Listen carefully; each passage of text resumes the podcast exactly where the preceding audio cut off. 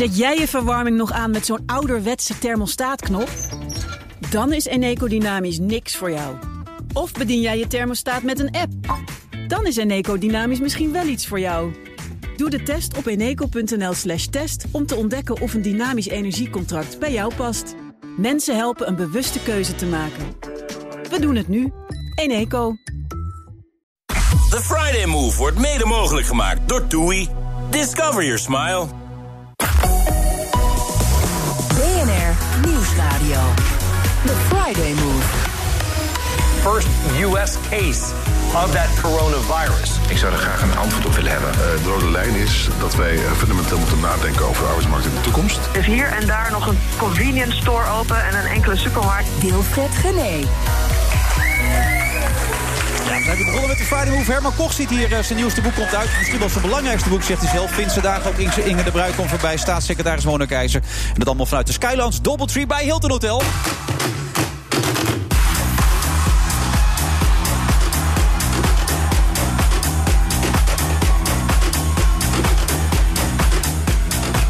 Dat alweer op 24 januari. We gaan het allemaal snel allemaal. Naast mij Herman Koch. Herman, uh, goedemiddag, welkom. Hallo. Hier heb je naar uitgekeken, neem ik aan. Dit vind je leuk. Je boek promoten, bij programma's langskomen, met mensen praten. Toch, dat vind je het leukste wat er is. Ja, heel erg leuk. Ja, en ik moet ook wel zeggen dat ik dit enorm relaxed vind dat het geen tv is. Ik kom net uit de schmink, maar het blijkt dus dat het radio is. Maar hoe vond je de laatste keer bij Eva dan? Hoe was dat dan? Nou ja, dat is toch, het is meer de opbouw ernaartoe. Dat je toch een soort be bewustzijn hebt van... we zijn nu live op televisie. Daar ja. heb jij waarschijnlijk helemaal al lang geen last meer van. Maar, nee. maar ik gek genoeg nog wel. En bij een radio zit ik gewoon relaxed. Ze zien niet hoe je, hoe je haar zit, hoe je erbij zit. Nee. Je voor dat je dat zou zien. Ja, ik neem aan dat er een webcamcamera Overal webcams hier, ja. ja dat klopt. Natuurlijk, dus... Maar hoe kan het iemand die zelf zoveel tv heeft gemaakt? Dan begrijp ik niet helemaal dat, dat je daar nog last van kan Maar dan was ik ook altijd nerveus. En ik heb, ik heb zelfs uh, het idee dat als ik niet nerveus was toen... dat dan werd het ook niet echt goed. Dus okay. zodra je een beetje achterover gaat leunen... Uh, dan verslapt er iets. En dan verslapt de kijker ook. Dus okay. het is toch wel. Ja, maar zelfs toen je als Jiske Vet zo in, op elkaar ingespeeld waren, was er altijd iets van, van kriebel, zeg maar. Er was altijd wel spanning. Vooral bij die. Bij die kijk, als je zo'n een filmpje op straat staat te maken, dan is er niks aan de hand. Nee. Dan wil je het gewoon goed doen.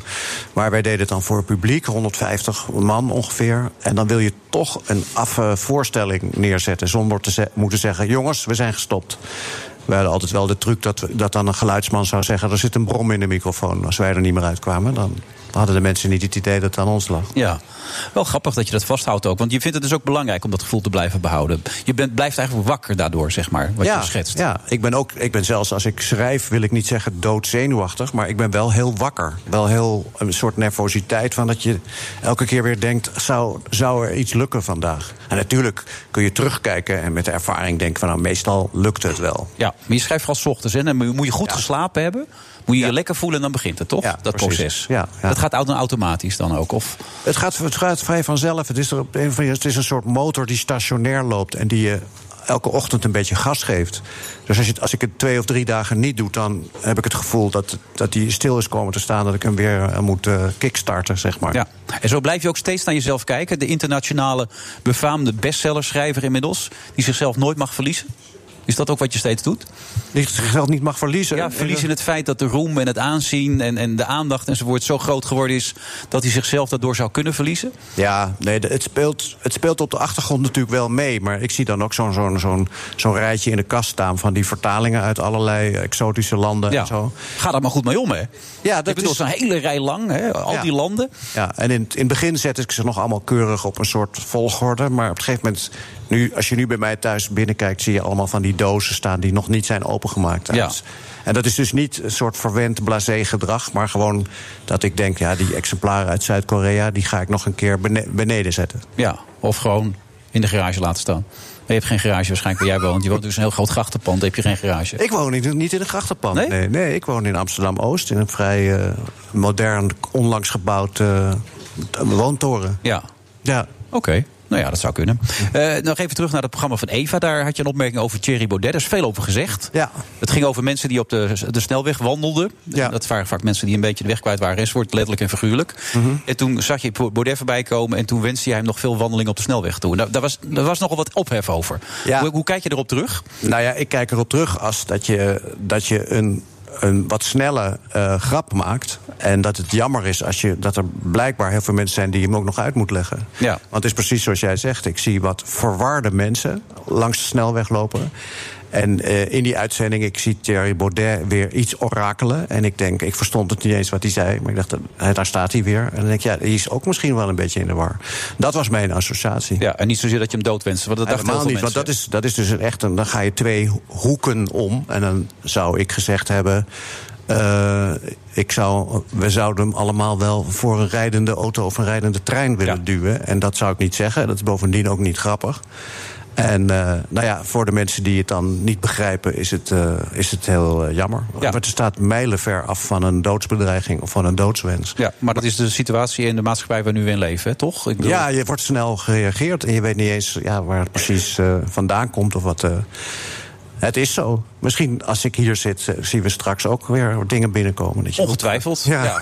Nee, Maar ja, goed. zodra je een mening hebt ergens over, dan is het, eh Ja, dat het levert weer reacties op. Het is een beetje zoals in jullie voetbalborrelpraatprogramma. Maar dat is satire, dat is satire, dat is heel iets anders. Ja, oké, maar. Daar, daar zijn worden ook soms dingen gezegd waarvan je dan, waar mensen dan boos om worden. Denk ik ook beetje altijd, ook. ik, ik moet er altijd wel erg om lachen. Ja. Ja. Het, is, eh, het is niet zo. Ik moet niet. Het is niet zo dat ik nou zelf met van alles bedreigd ben. Het is meer gezegd dat er mensen opriepen dat er toch wel een vervolging ingesteld zou moeten worden. Ja, maar je vindt hem gewoon verward. Dat is het enige wat je van Thierry Baudet vindt. Ja, dat Een beetje- voornamelijk. Het werd, het werd ook zo ingedeeld in van... oh, weer, weer zo'n linkse rakker die... maar het, als, het had ook, eh, de- deze opmerking had ook iemand uit de linkse hoek kunnen overkomen... Ja. vanuit mij gezien. Maar waarom vind je dat hij in de war is dan? Ja, dan gaan we alweer verder analyseren. Maar ik, bedoel, Nee, maar ik vind alleen al, ik vind alleen al, het- ik vind het altijd, eh, ik vind het enigszins verbazend als je woorden als, als boreaal gaat gebruiken in een toespraak. Volgens mij waren ook andere mensen binnen zijn partij daar wel enigszins van in de. Die zijn nu weg, hè? Althans, Die zijn, weg. Ja, dat vertrokken. kun je, zo kun je het wel samenvatten. Ja. En dan zijn er meer weg. En eh, ja, ik, ik zou, als ik hem was, me dan, als je ziet welke reacties er kwamen op dit akkefietje, dan zou ik me wel zorgen maken over mijn eigen achterban. Nou ja, het lastige eraan is, als je hem daarop aanspreekt... dan eh, hebben wij het allemaal verkeerd begrepen. Dat is altijd het lastige. Ja, dat, ja. Dat, dat, dat maakt een discussie heel moeilijk dan ook, toch? Ja, precies. En ik vind het ook niet zozeer bij Baudet dat je nou denkt... moet je nou inhoudelijk... Kijk, het is zo... eh, laten we nou, eh, als we, om nog iets aardigs te zeggen... Een, echt, een domme man lijkt het mij ook niet. Maar nee, een beetje... absoluut niet zelfs. Nee, er zitten ook genoeg ideeën tussen waarvan je denkt... nou, daar kan je, kan je wel over praten. Ja, ik. die kan er in ieder geval over praten. Nee, nee, dat maar is eh, dat vind ik echt niks aan de hand. Ja. nee, er zit echt genoeg eh, prima ideeën tussen. Alleen, het schiet soms wat door. Ja. Oh shit, nou ben ik de journalist die ook nog een mening heeft. Dat is eigenlijk niet de bedoeling in dit Nee, nee, nee, want dan krijg jij het ook. Ja. Nee, nou, nou, die krijgen het toch al. Dat maakt verder allemaal niet uit. Maar de, de, de zelfrelativering is soms een beetje zoek. Want nog even terugkomen naar die grote schrijvers. Jij zegt ook in interviews, en volgens mij, nou niet in dit boek trouwens, maar ook in interviews.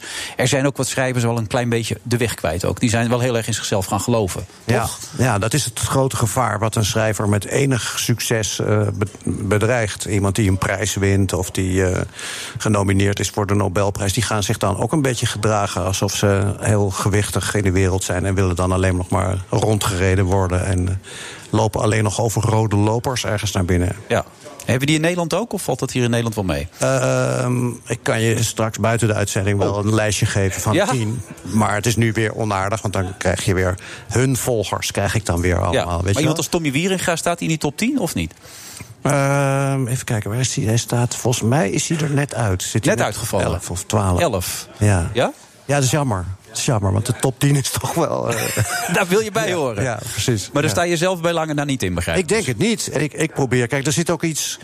Ik probeer norm- om te zeggen, het is heel cliché, om, om normaal te doen. Om Maar wat ik heel leuk vond, is dat Ja. je agent of zo, de dame die meegekomen is, of niet? Ja, van die, de, onder andere de promotie en de hele eh, Ja. campagne. Die was al iets eerder dan jij. Die we zijn ook al heel lang bevriend. Al Nou ja, ik 20 hoor jou namelijk tegen haar zeggen... je hebt wel je haar anders zitten. Dat vond ik zo aardig. Dat ving ik toevallig op terwijl ik daar zat zo. Ja, en dat kunnen wij nu op de radio niet zien, maar dat zit anders, kan ik bevestigen. Nee, maar dat klonk heel attent zo van iemand die niet alleen met zichzelf bezig is... maar ook iemand die nog even bezig is met andere mensen. Ja. Dus ik dacht, ik hoorde jou dat zeggen. Ik Ja. denk, ga het toch nog even memoreren. Nee, is goed. Maar het is heel oppervlakkig. Het beperkt zich tot het haar. Oh, Tot haar. Verder is het niet veel diepgaande, dit contact, dan, Nee, nee. dan het haar. Nee, ja. Nee, maar je hebt, ik wilde mij aangeven, je ziet jezelf nog wel steeds...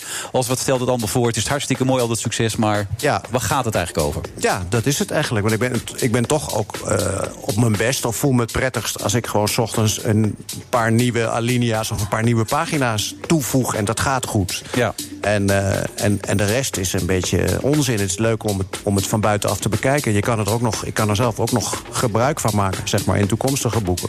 Nou ja, alles wat jij meemaakt, dat, dat lees je ook weer in dit boek Vindse Dagen... is je slaat het op. Vroeg of laat gaat het gebruikt worden. Ja, niet Dus- zo bewust, maar, Nee, maar- ik blijk het opgeslagen te hebben. Dat is het meer. Je kijkt Ja. terug en dan denk je... oh ja, verdomd, dat heb ik een keer zo meegemaakt. Maar ook, ook het feit, ik maakte in het begin die opmerking van... je vindt het fantastisch. Het zijn voor jou beproevingen toch over het algemeen? Dit soort sessies en over je boek moeten praten... en promotie Nee, moeten nee. doen en overal langs moeten gaan? Of, of... Nee hoor, ik vind het geen beproeving. Maar je moet het alleen niet te vaak doen. En ik, was, ik ben er nu bijna drie jaar uit geweest. Met, een, met een boek plus in. Dacht, nou, nu, kan kan het ik het weer eens volledig. Ja, nu kun je die Maar neem- overgeven. maar neem nou echt van mij aan. Natuurlijk denk ik ook aan, de, aan publiciteit. Maar het is niet zo dat ik... Ik zou hier niet naartoe gaan als ik het een beproeving zou vinden. Echt waar. Nee, dat zou ik niet doen. Nee, het is gewoon een belasting, meer is het niet. het is een zware belasting. maar we maken er gewoon 2,5 uur leuke radio van met Herman Koch. Eh, tot de klok van half zeven is hij namelijk mijn co-host.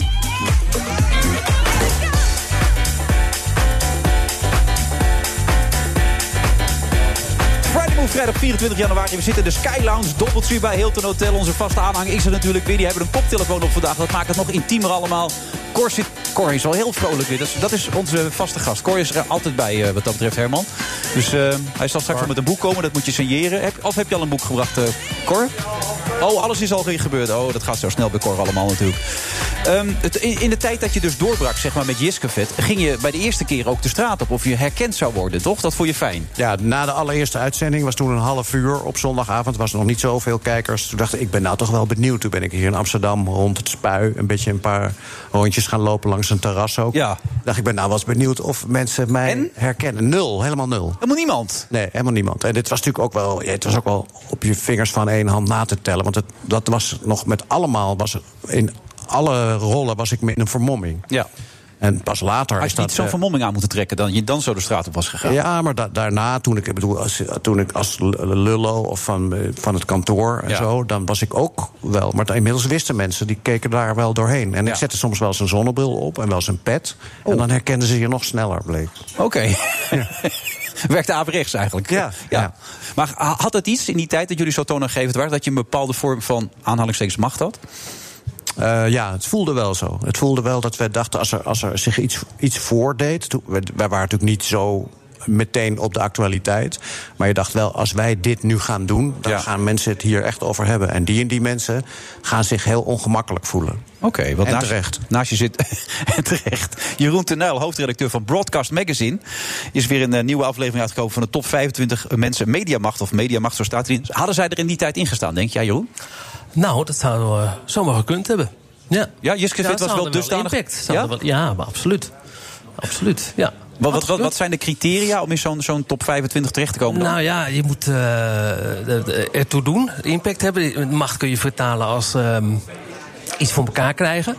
Eh, achter de schermen, voor de schermen. Eh, ja, dat, dat is het eigenlijk. Het, kan vrij divers zijn. Maar het klinkt ook gelijk dreigend, gevaarlijk. hè? Macht. Hè? Macht, daar heb je toch gevoel bij mensen die bijna misbruik maken van de situatie. Of is dat niet zo? Nou, nee. Nee? Dat is niet zo. Tenminste, dat... Wat is jouw associatie erbij, Herman, als je dat hoort? De top 25 mediamacht. Ja, dan denk ik, ik durf, ik kijk dan niet. En dan Nee. denk ik, eh, John de Mol, Linda de Mol, denk ik, die staan er vast klopt, in, in de top 25. Op 1, John de Mol. De enige echte Nederlandse mediamagnaat staat hier alweer voor de negende keer van de 17 keer dat het gebeurd is. En dat is terecht, vind jij dan ook, Herman? Ja, op die manier waarop hij aanwezig is en op allerlei eh, televisieprogramma's en formats en weet ik veel, dan denk ik ja, het is wel de meest, een van de meest besproken. In ieder geval, hij is zelf niet zo besproken als persoon, maar zijn programma's natuurlijk wel. Ja. Doet hij het goed dan eh, op dit moment, eh, Jeroen? Ja, vind ik wel. Hij steekt wel zijn nek uit met Talpa Network. Door eh, zeg maar aan een bedrijf te werken wat, wat ook de internationale concurrentie aan wil met, met, met Google en Facebook. Ja, en YouTube, wil, kan dat ook? Is dat mogelijk?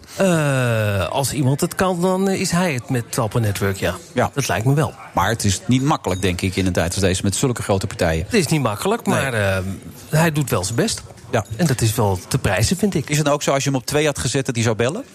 Nee. Ik weet wel dat ik heb ooit Erland Galjaard eh, eh, eh, op één gezet. En John op twee. Ja. En toen gingen ze me- met elkaar bellen. En toen zei hij, eh, nummer 1, nummer 2 hier. Dat, werkte heb, ik- wel dat, heb ik, dat heb ik later wel eh, gehoord, ja. Maar dat kan er snel gaan, want Ja. Nederland komt in deze lijst niet meer voor, hè? Ja, ik zit, ik, ik zit ondertussen even te bladeren. Maar oh, je kent hem zelf niet, de lijst. Ja, ik kan hem wel even voorlezen als je wil. Dat, uh, ik heb hem, ik heb hem hier, maar... Nee, ik zit even te kijken. Wanneer Erland... Kijk, Erland stond uh, 2015, 2016 op één. Ja. Ja, en nu niet helemaal niet meer erin. Niet meer hij erin. staat er nu niet meer in. Hij is toch nee, adviseur moet... van het belangrijke netwerk zeker, ook daar? Zeker, zeker. Dus uh, nee, je moet op een gegeven moment keuzes maken. Hier wil het ook een beetje vernieuwen, elke keer. Dus je, anders kom je elke keer op dezelfde naam uit. Ja. En, en dat wil ik niet. Oh, het moet gewoon een beetje wisselen. Het moet een beetje wisselen. Je okay. moet ook een beetje met, met, met influencers op YouTube aan de gang. En, uh, ja, er staan er een aantal van in, zag ja, ik, hè? Ja. Even kijken hoor, wie er allemaal heeft ingezet. Tim Hofman staat erin. Ja. Anna Nushin. Ja. Nicky de Jager, Giel de Winter en Nienke Plas. Zeker. En, en hoe werkt dat dan precies, uh, Jeroen? Hoe, hoe bepaal jij dat dan, dat die daar ongeveer uit moet komen? Ik zit rond de kerst een beetje met een glas wijn. Gisteren een beetje de Ja, dat zou ik net zeggen. Ja. nee, maar hoeveel mensen bepalen dit dan? Hoe doe je nou, dit dan? Ja, dat, dat, eerst deed ik het zelf. En uh, dit jaar heb ik uh, wat collega's gevraagd van wie, wie moeten, vinden jullie dat er in de top 10 moet? Nou, en zo doe ik dat. En dan maak ik daar een lijstje van. Ik, ja. ik zie een nieuwe En, eh, binnen, binnenkomer op 19. Die was ik ook net gezien, inderdaad. Ja. Waarom Ja. sta ik daar in godsnaam in? Waar nou, slaat dat, dat, op? dat, dat staat er ook keurig Oh, bij. staat erbij waarom, ook. het, waarom het ook... eh, waarom jij ook hier een, een, een notering verdient. Ik ga het lezen. Ja. Ook terug van even weg geweest hier. Werkt jaar in jaar uit. Hard als een transferwaarde door met veel vakmanschap zijn diverse tafelgenoten te dresseren, te voeren. En dan wel de vrije teugel te geven. Met alle gevolgen van dien. Nou, dat is mooi geschreven. Ik, Ja. denk, dat- ik denk, als je nu straks hier naar buiten gaat, dat je wel herkend wordt. Ja, dat zat de gast. Ja, dat als ik nou verkomming, vermomming even snel een pet op. Ja, dan word ik zeker herkend. Ja. Nee, maar het is toch allemaal natte vingerwerk dit. Als je Tuurlijk. eerlijk bent, Jeroen. Het slaat Natuurlijk. ergens op, toch? Nou, sla- nou ja, nee. Je moet, het, je moet het ook vooral niet te, te, te serieus nemen. Kijk, we doen dit al 17 jaar. We hebben, Ja. een, we hebben een, met, met Broadcast een leuk eh, vakblad. Wat een soort clubblad is voor de branche. Ja. En met zo'n lijst. eh, Het is meer een geintje. Het is een knipoog eigenlijk. Zeker. gewoon. Zo moet je het meer zien. is het ook niet. Nee. We zitten over niks te lullen eigenlijk. Dat is wat je zegt. Nou, over niks. Het, het- het- dat wil ik ook weer niet zeggen. Want het heeft in de, in de branche wel enige eh, Ja? statuur, zal ik Is maar dat zo? zeggen. Nou ja, je denkt dat nu Erland uh, Balen thuis zit. Nu die, nu die Ja, lijst binnen is ik gekomen, denkt Erland... ho, ho, wacht even, ik sta niet in de lijst van podcast. Ik, Wat weet is dit dat- nou? Ik weet dat sommige mensen er wel van balen dat ze er niet in staan. Ik kijk even naar de man naast jou. Zou je in zo'n lijst willen staan? Zou je dat fijn vinden, Herman? Nee. Hier, daar ga je al. Herman zou er niet in willen staan. Nee, goed, niet iedereen is hetzelfde. Maar als, er, als er nou een boek eh, eh, toplijst zou bestaan... Eh, los van de, ah, de verkoop, maar gewoon de... ja, dan zou ik denken dan... Het van, van, vanuit, Galjaard ook op één. En, dan, en ik op twee. En dan af en toe Precies, wisselen. precies. En even bellen met elkaar. Ja. Ja, ja. Hier één, dag Ja. twee. Ja. Nee, maar zo moeten we het wel bekijken. Want er- Zo komen moet je allemaal bekijken, Laatst was er ook weer er was ook een lijstje op de radio top 50 en eh, de media top 100. Ik weet niet wie die ook Ja. weer uitgebracht hadden. ja, die- nee, ja, die- nee, daar hebben we niks mee te maken. Nee, dat snap Dit- ik wel. dit- maar dit- al die lijstjes, het is allemaal een beetje gewoon voor de vuist weg. Ach, zo is het toch ook. Dit, eh, kijk, iedereen doet het aan het eind van het jaar. Wij doen het dan aan het begin van het nieuwe jaar. Dat is ook weer wat anders. En eh, kijk, het, het is inderdaad een, een lijst met een knipoog. Ja. Maar, ja, meer is het eigenlijk niet. Maar als je er even wat dingetjes uitpakt. Zo, eh, Eva Jinek is gezakt, zie ik. Toch? Nee, hoor. plaatsen. Volgens mij niet. Oh nee, die is gestegen. Nee, die is van 10 naar gestegen. 4. Ja. En dat heeft te maken met haar transfer? Ja. Ik, Precies. ik dacht dat je er iets bij ging vertellen. Of dat je zei, nee, ik vind namelijk dat het heel goed gaat en dat het een goede indruk maakt. Nou ja, goed, kijk, zij, die, eh, heeft, zij heeft natuurlijk wel een be- een behoorlijke impact gemaakt. Eh, met name het afgelopen jaar weer. En zij heeft in die zin ook een bepaalde macht. Kijk, als jij ook voor elkaar krijgt dat RTL afziet van reclame in jouw dat, is wel, eh, programma... dat is wel knap inderdaad. ja. dan is dat best, best eh, prijzenswaardig. Hoe vond je het daar, Herman? Hoe was het daar? Hoe vond je het doen? Hoe, hoe deed ze het? Ik vind haar heel erg goed. Ik geloof, eh, ja, niet om nou een beetje te gaan zeggen. Ik vind haar wel de beste, gewoon op dit moment. Nu Jeroen Pauw weg is of ook toen al? Eh, ik, ik heb haar. Ik bedoel, ik heb niks, helemaal niets tegen Jeroen Pauw. Maar ik vind haar wel sympathieker en misschien ook wel beter. Waarom Ik dan? weet, ik weet niet, ze is is een goede, goede luisteraar. Ik heb het idee dat Jeroen Pauw soms ook wel eh, zich bewust is van hoe hij daar zelf zit. Dat is een ander. En zij is of ze zichzelf vergeet en eh, volledig opgaat in wat, die gasten, wat haar gasten te vertellen Ja, hebben. het draait puur om de gast op zo'n Echte, moment. echte interesse. Het is een beetje flauw, want Jeroen Pauw heeft dat toch ook wel. Ja. Maar laten we zeggen dat het iets meer is. eh, dat hij iets meer in die top 10 net boven Tommy Wieringa zou staan. En, en vind je dat het een verstandige stap is geweest, die overstap van haar? Ja, volgens mij wel. Want, Los van de financiën dan, hè? Dan. ja, nee, maar dat is, daar begint de verstandige stap toch wel mee. Ja, in dit van- geval. Als dat je, je van denkt, anderhalve ton naar 1,2 miljoen gaat, dat doe je goed dan. Maar het, Ja, dat lijkt mij wel. En ik, ik, ik, ik, zal ook nooit zeggen dat je dat niet moet doen. Want het, ik bedoel, een voetballer die uh, hè, een transfer maakt... Ik zal zeggen, het ook nooit zeggen. Zeggen we toch ook nooit van... Uh, goh, is dat nou een goede stap geweest dat Frenkie de Jong naar Barcelona is gegaan? Nee, maar daar is toch... Ja, is het een verstandige stap, Jeroen? De commerciële. Los ja. van het financiële dan. Ja, ja, goed, dat kun je niet loszien. Dat, is, dat, is dat, dat speelt mee in de, in de, in de beslissing, ja, natuurlijk. natuurlijk mee, maar... Natuurlijk mee, ja. En ik denk ook dat ze daar de vrije hand krijgt. En dat uh, zij wordt daar ook echt belangrijk gemaakt. Terecht. Ja. Want, uh, maar is het het podium nog? Werkt het nog op commerciële tv met, met talkshows? Is dat... Nou ja, dat kun je wel uh, afvragen. Gezien het feit dat het niet, uh, toch, toch niet het succes heeft wat, het, wat nee. ongetwijfeld hadden verwacht.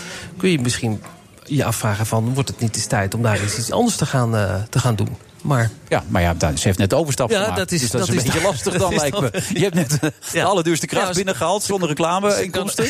Lekker allemaal. Ik denk dat ze dat nog wel gaan veranderen. Maar, ja, dat denk ik ook. Uh, maar.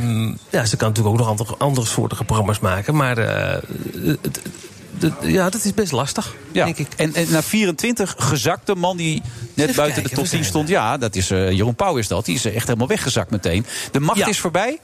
Het is afgelopen met de, de heerschappij Nee, van Jeroen hij, staat, hij staat er nog steeds in. Want ik Jawel, maar van is- 11 naar 24, Jeroen, dat is nogal een eh, devaluatie. Ja, dat klopt. Dat klopt. Ja, goed. Dat, eh, Je zit hem te bekijken, deze ranglijst, alsof je hem echt voor het eerst ziet. Ik weet niet wat het is, hoor. Maar nee, maar ik- hij is wel voor jullie, hè, deze ranglijst. Toch hoop ik, hè? Dat ik niet het verkeerde heb gepakt. Absoluut. Maar eh, ja, je moet op een gegeven moment keuzes maken en een beetje, een beetje schuiven her en der. Hij staat er in ieder geval nog steeds in. En komt hij weer terug, of is het voorbij? Nee, hij komt zeker terug. Die gaat ook nog wel andere programma's maken. En eh, wat er ook staat achter de schermen, dan heeft hij nog steeds wel een behoorlijke vinger in de pap. Ook bij de op één, zoals Ja, het nu dus heet. volledig naar zijn hand gezet, Dus toch? eh, ja. Ja. Dan wil ik toch nog één naam noemen, want ze staat er inderdaad in. Angela de Jong. ja, Onvermijdelijk. Angela de Jong. Ja, die kon ik, daar kon ik niet omheen. Kon je daar niet omheen? Nee, vond ik niet. En Nee. waarom niet? Ja, ja, zij is gewoon. Ja, wat je ook verder van haar mag denken, zij Ja. heeft toch wel een bepaalde invloed. En zij wordt invloed of macht? Het gaat over macht hier. Ja, het is macht. Ja, ik denk toch wel een bepaalde Het is macht. macht. ook. Het is Ja. toch wel een bepaalde macht ook die ze heeft. Ja. Vind je dat een recensent thuis hoort in een rij- rijtje als dit? Nou, als je, als je inderdaad invloed uitoefent, dan wel. Eh, ja, dat is, dat is Ja. toch zo. Als je, Ja, als zelf, eh, als je met, mee kan helpen met carrières van anderen... of ze zelfs... Ik bereken lijkt mij moeilijk dat een recensent dat voor elkaar zou Nee, krijgen. dat kan toch niet uiteindelijk. Ik bedoel, het is gewoon of je iets goeds of slechts maakt. Dat kan een recensent toch niet bepalen. Maar het, het valt mij wel op. Ik ben niet zo'n eh fervente talkshow-kijker. Maar ik heb haar wel vaak zien zitten. Ik wist tot een half jaar geleden nog niet wie Angela de Jong was. Dus wat dat betreft is plaats 23 eh, volkomen terecht. Volkomen terecht. nou, het is weer een mooie lijst geworden, Jeroen. Op naar de volgende. En daar staat ongetwijfeld John de Mol weer op één. Dat zit er wel in. Ja, en dat jaar daarna Hij moet waarschijnlijk het ook. heel mond maken. Ja. Het stopen voor Erland dat hij weer terug kan komen natuurlijk. Ik hè? ga het. eh, laten we het hopen voor hem. Ja, hij heeft twee jaar toch op één gestaan, zie ik Ja. hier. En dan opeens zomaar er niet meer in staan. Dat zijn, is geen goed weekend, denk Nee, ik. nee, het is balen. Oké, Het is succes eh, met, eh, met Broadcast Magazine. Dankjewel. Dat is wel een vakblad, hè, voor de duidelijkheid. Zeker. Ja, ja nee, dat mensen thuis denken, ik heb er nog nooit van gehoord. Kan Nee, me maar het is, het, is een Vakblad. vak, het is een vakblad. Ja, oké. En dan 30 jaar. Dat wel wel, Dat dan inderdaad. weer wel. Ja, voor de mensen Ja. in het vak. Zo is het. Ja, dankjewel Jeroen. Tot de volgende keer. Oké. BNR Nieuwsradio. The Friday Move. Het rapport wijst letterlijk aan de hoofdverantwoordelijkheid ligt bij Boeing. I wouldn't say it, I wouldn't talk about it. Wilfred Genee. Ja, we zitten dus inmiddels met Inge de Bruij, last van de rug. En natuurlijk Herman Koch, schrijver, maar ook Ajax-fan. Eh, Ik ken jou trouwens, je agent ook. Die heeft ook een boek van mij gedaan nog ooit. Lang geleden. Dat is nou, ja, waar, Nou ja. ja, dat Dat is zo waar. toevallig Ja. dit weer, hè? En weet jij de titel zelf nog van het boek? Uh, Vul of voeden. Dat was een eh, boek over gezond eten. Ja, was een heel Oh, goed boek was dat. Toen zijn we in een dierentuin geweest. Dat was hartstikke leuk. En dan kwam Ja. Johan Derksen tussen de olifanten staan. Helaas gingen ze niet op hem zitten. Nou, dat was allemaal in deze uitzending van de Friday Move.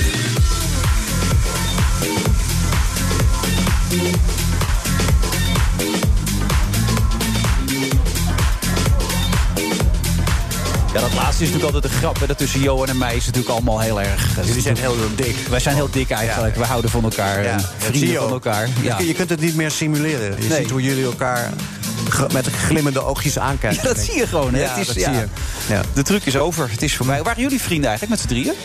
Ja, zeker. Omdat ik moet zeggen dat... Uh, ja, dat was gewoon zo. Ik kende Michiel vanaf mijn zeventiende. We ja. kennen elkaar vanaf de lagere school, basisschool, zoals het tegenwoordig heet. En ja, dat is altijd zo gebleven. En Kees is er uh, bijgekomen als meer een collega. Maar op het moment dat wij dat programma maakten, waren we wel vrienden. Maar Michiel en ik gingen dan ook nog in de zomer samen op vakantie. Ook nog? En dan, uh, maar dan mocht Kees niet mee. Oké, en hoe vond Kees dat? Die vond dat niet erg, want die was, ik denk dat hij ook niet zat te springen. Hij wilde niet mee ook? dat weet ik niet. Maar nee, dat heb je nooit gevraagd dan. Kees, wil je een keer mee? We zijn wel in, de, in, de, in verzinperiodes uh, hebben we wel zo'n huisje op het platteland gehuurd. En dan ja. zaten we gewoon tien dagen zaten we heel gezellig met z'n drieën. En dan een beetje darts gooien. En uh, dan zo'n zo'n krat stond er dan op het terras. Ja, drankje erbij is altijd belangrijk. Altijd belangrijk. Altijd belangrijk sowieso ook in het boek, hè, Vince Dagen. Zeker. Om even dat, dat, alles op gang te laten komen. Ja. Klein drankje erbij is fijn, toch? Ja, je moet hier over een bepaalde drempel heen zetten. Ja. Dat heb ik gemerkt toen ik begon met schrijven. En vooral als je dan over wat onderwerpen schrijft die dichtbij uh, staan. Dan, dan, je moet een soort verlegenheid uh, overwinnen. Ja. Je gaat ook niet in een, uh, in een club of in een disco. Stap je op iemand af. Op een meisje af, op een vrouw af. Ja, dit je, je twee... overloop van zelfvertrouwen natuurlijk. Dat kan ook nog. Ja, de, ja, maar er zijn van die mannen die het alleen met thee voor elkaar krijgen. Maar ja. daar zou ik toch niet op vertrouwen. Die categorie. Nee, dat zit ik niet, ook niet in hoor, kan ik eerlijk goed. zeggen. Dat, nee. Nee, nee, nee, toch? Dat nee. nee. Dat, soms heb je dat even. Nou, ook dat gevoel, dat eerste drankje, als dat er zo invalt, is lekker. Oh, vooral dat eerste. Och, ja. dat is zo'n lekker gevoel. Is Mensen dat. zeggen ook altijd tegen mij van... God, die heb je snel op. Maar dat ja. is, is de eerste. Ja, dat is het lekkerste. Ja. Ja. daarna wordt het alleen maar minder eigenlijk, vind ik altijd. Ja, dan, ja. je moet het een beetje vast uh, Die warme gloed die je dan voelt zo. En dan, hè, dan ben je er gewoon gelijk bij. Heerlijk. Ken je dat gevoel, Inge de Bruin? Uh, met water wel, ja. ja. Jij drinkt helemaal geen alcohol? Jawel, af en toe. Dat zou nu een goed moment kunnen zijn met die rug van je. Je, je zit echt erbij als een soort, soort plank. ja. Zit ik eindelijk een keer rechtop? Als, ja, als nee, maar zou dat niet helpen, een beetje voor de ontspanning?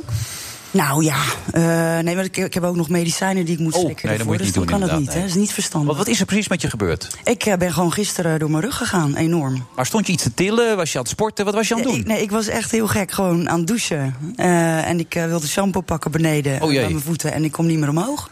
Je hebt niet zo'n plankje bij jou in de, nee. in de badkamer? Wij hebben zo'n plankje, weet je, want dan kan ik het zo van afpakken. Ook nee, een muurtje hebben we ook nog. Wat heb jij thuis, Herman?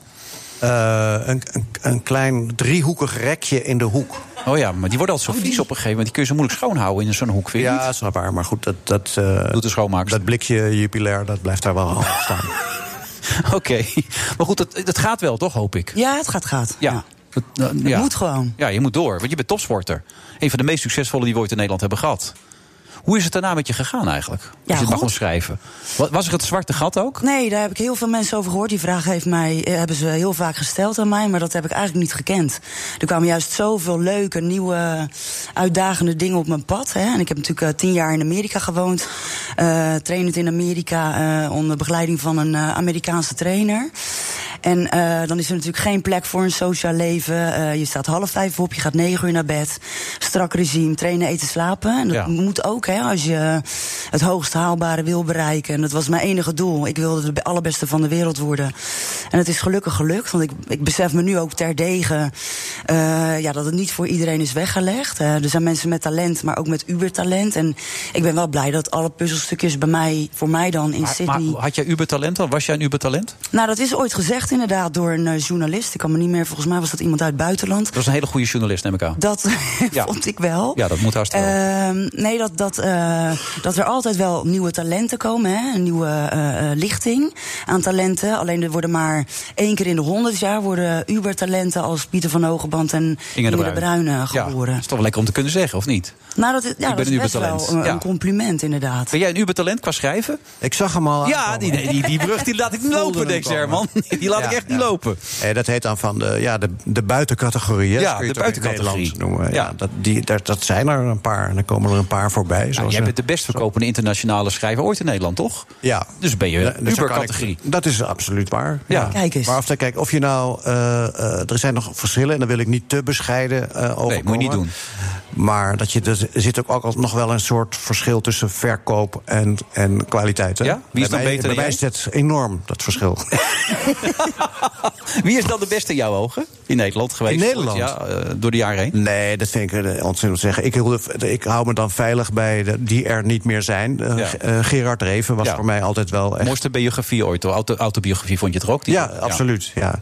Maar ik hield ook erg van Ik Jan Kramer toen dat net uitkwam. Dat, Ja. Maar dat kwam ook wel bijvoorbeeld door het image, het imago van de schrijver... die op het omslag van zijn boek op zo'n Harley Davidson zat in Ja, wel spijkerpak. met een, zeker toen. En dan denk je, ja, dat is een beetje wat je wil. Je wil Ja. niet zo'n... zo'n Zo'n slappe vaatdoekfiguur worden. Nee. Zoals je soms, je soms aan tafel ziet zitten bij talkshows. Ja. En die het dan over hun boek hebben. Ja. Nee, was- Noem eens namen. namen. Nee, dat hebben we. Nou ja, Nee, hij ja, wil dat toen niet was jij er nog niet. Nee. We hebben steeds geen namen genoemd. Nee. Het is een hele top 10. En Tommy Wieringa valt er net buiten. Maar die zit er wel tegenaan. Die heeft Aha. erin gezeten, begrijp ik. Maar die is eruit gediend, toch? De- Ik weet niet, maar daar heb ik geen invloed op. Nee, dat, dat bepalen ze zelf natuurlijk eigenlijk. Ja, ja. met hun eigen gedrag. Ja. Ehm, jij hebt later ook nog motor gereden daardoor ook, hè? Ja, Met veel risico's en zo. Schuivers gemaakt en zo wordt je Inderdaad. leven. Ja, ja. Prachtig allemaal. Ja. Dat hoort er een beetje bij. Inge dan, waarvoor je hier bent? Je hebt dan heel, heel papier meegenomen, zie ik. Wat staat er allemaal op? Nee, dit is eigenlijk. Kijk, we hebben. eh, ik ben nu mijn eigen lifestyle-programma op RTL 4 heb Ja. ik nu. Alleen er zijn we al in oktober eh, begonnen met opnames. En die Ja. was dan ook in Drenthe. Ja. Twee dagen. En dan je zijn we niet toch meer ook wel- herinneren wat Nou, nee, da- dan duik je dus ook. Want we, we ontdekken dus ook eh, mooie gebieden en eh, een mooie parels, zeg maar, die we in Nederland gaan ontdekken. Daarom heet ook het programma heet Nederland Ontdekt. En eh één daarvan was eh, de allereerste, was eigenlijk het mooiste om mee te beginnen, was in Zuidwest-Drenthe. En dan duik je toch ook wel een stukje geschiedenis in eh, bij de koloniën van weldadigheid. Je gaat de diepte in ook, begrijp ik. Nou, nee, dat, dat is juist het mooie om die parels te ontdekken. Dat er Ja. een stuk hè, achter een, een, bepaalde plek, een plaats, daar in Zuidwest-Drenthe, ook een mooi verhaal schuilt. Nou, Dus ik dat denk, kun, je nu, kun je dat over- vertellen, dat verhaal? Of is, moeten we dat zien, zeg nou, maar? je, het is eigenlijk mooier om te zien, inderdaad. Maar kun je een tipje van de sluier oplichten dan? Nou, in het kort is het eigenlijk dat er een, eh, een man, eh, die heette Johannes van den Bos. Dat was eigenlijk de oprichter van de kolonie van weldadigheid. Want er was in 1818, zover gaan we dus terug, eh, heel veel armoede. eh, armoede, mensen die op straat leefden, bedelen, en mensen lastigvallen, zorgden voor overlast. Dus hij had het geniale plan, die Johannes van den Bos, om de armoede te stoppen. En het genieuze, geniale plan was dan zeg maar om de paupers uit de grote hoofdsteden naar Drenthe te leiden.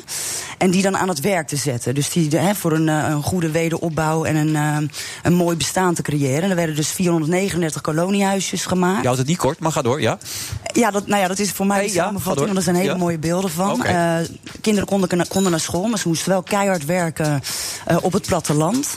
En er was zorg voor de, voor de zieken. En dat is eigenlijk, de basis is daarbij gelegd voor de huidige verzorgingsstaat. Dus het is ook weer heel erg mooi eh, om die lijn dan... Maar wel apart dat het in een lifestyle-programma voorbij gaat komen. Want ik Ja, neem dat aan is, dat dat is juist zo leuk. Je hebt, je, heel veel, je hebt heel veel lifestyle-programma's. En dit vind ik juist het mooie. Dat het niet alleen maar gaat hè, om luxury, lifestyle, wellness, beauty. Dat zit er ook. Dat komt ook Ja. aan bod. Maar het is juist zo leuk om een mooie plekken te laten zien. En een beetje inhoudelijk ook eh, ja, over te gaan praten. en Dat te laten presenteer jij zien. dan, begrijp ik presenteer het programma, ja. Ja. ja.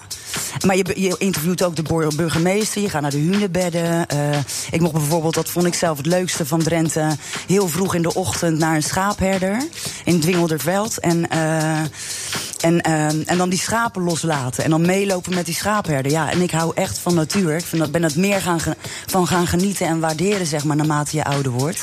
En dan echt meelopen met die schaapherder. Ja, dat vond ik dus echt zo'n ja, mooi moment. En een mooi plaatje om te laten zien. Je leeft ook helemaal op. hè? Je rug begint beter te functioneren. Heb je, je, Nou, je ja, kan je ook Ja, nee, je begon echt te bewegen nu. Ik zeg bijna een boskrol. Ja, nee, nog net niet. Maar hij kwam een beetje in de buurt natuurlijk allemaal. Waar is het te zien precies? Het is op RTL 4 vanaf zondag 2 februari om half vijf. Oké, en dat gaat hoeveel afleveringen door? Nou, we hebben nu bijna klaar met het eerste seizoen. Maar iedereen is zo enthousiast. We hebben een hartstikke leuk team. En eh, heel veel aanmeldingen zijn er al geweest. Maar mensen kunnen nog zeker, steeds aanmelden. Mhm. Want het is natuurlijk alles op het gebied van luxury lifestyle, beauty, wellness.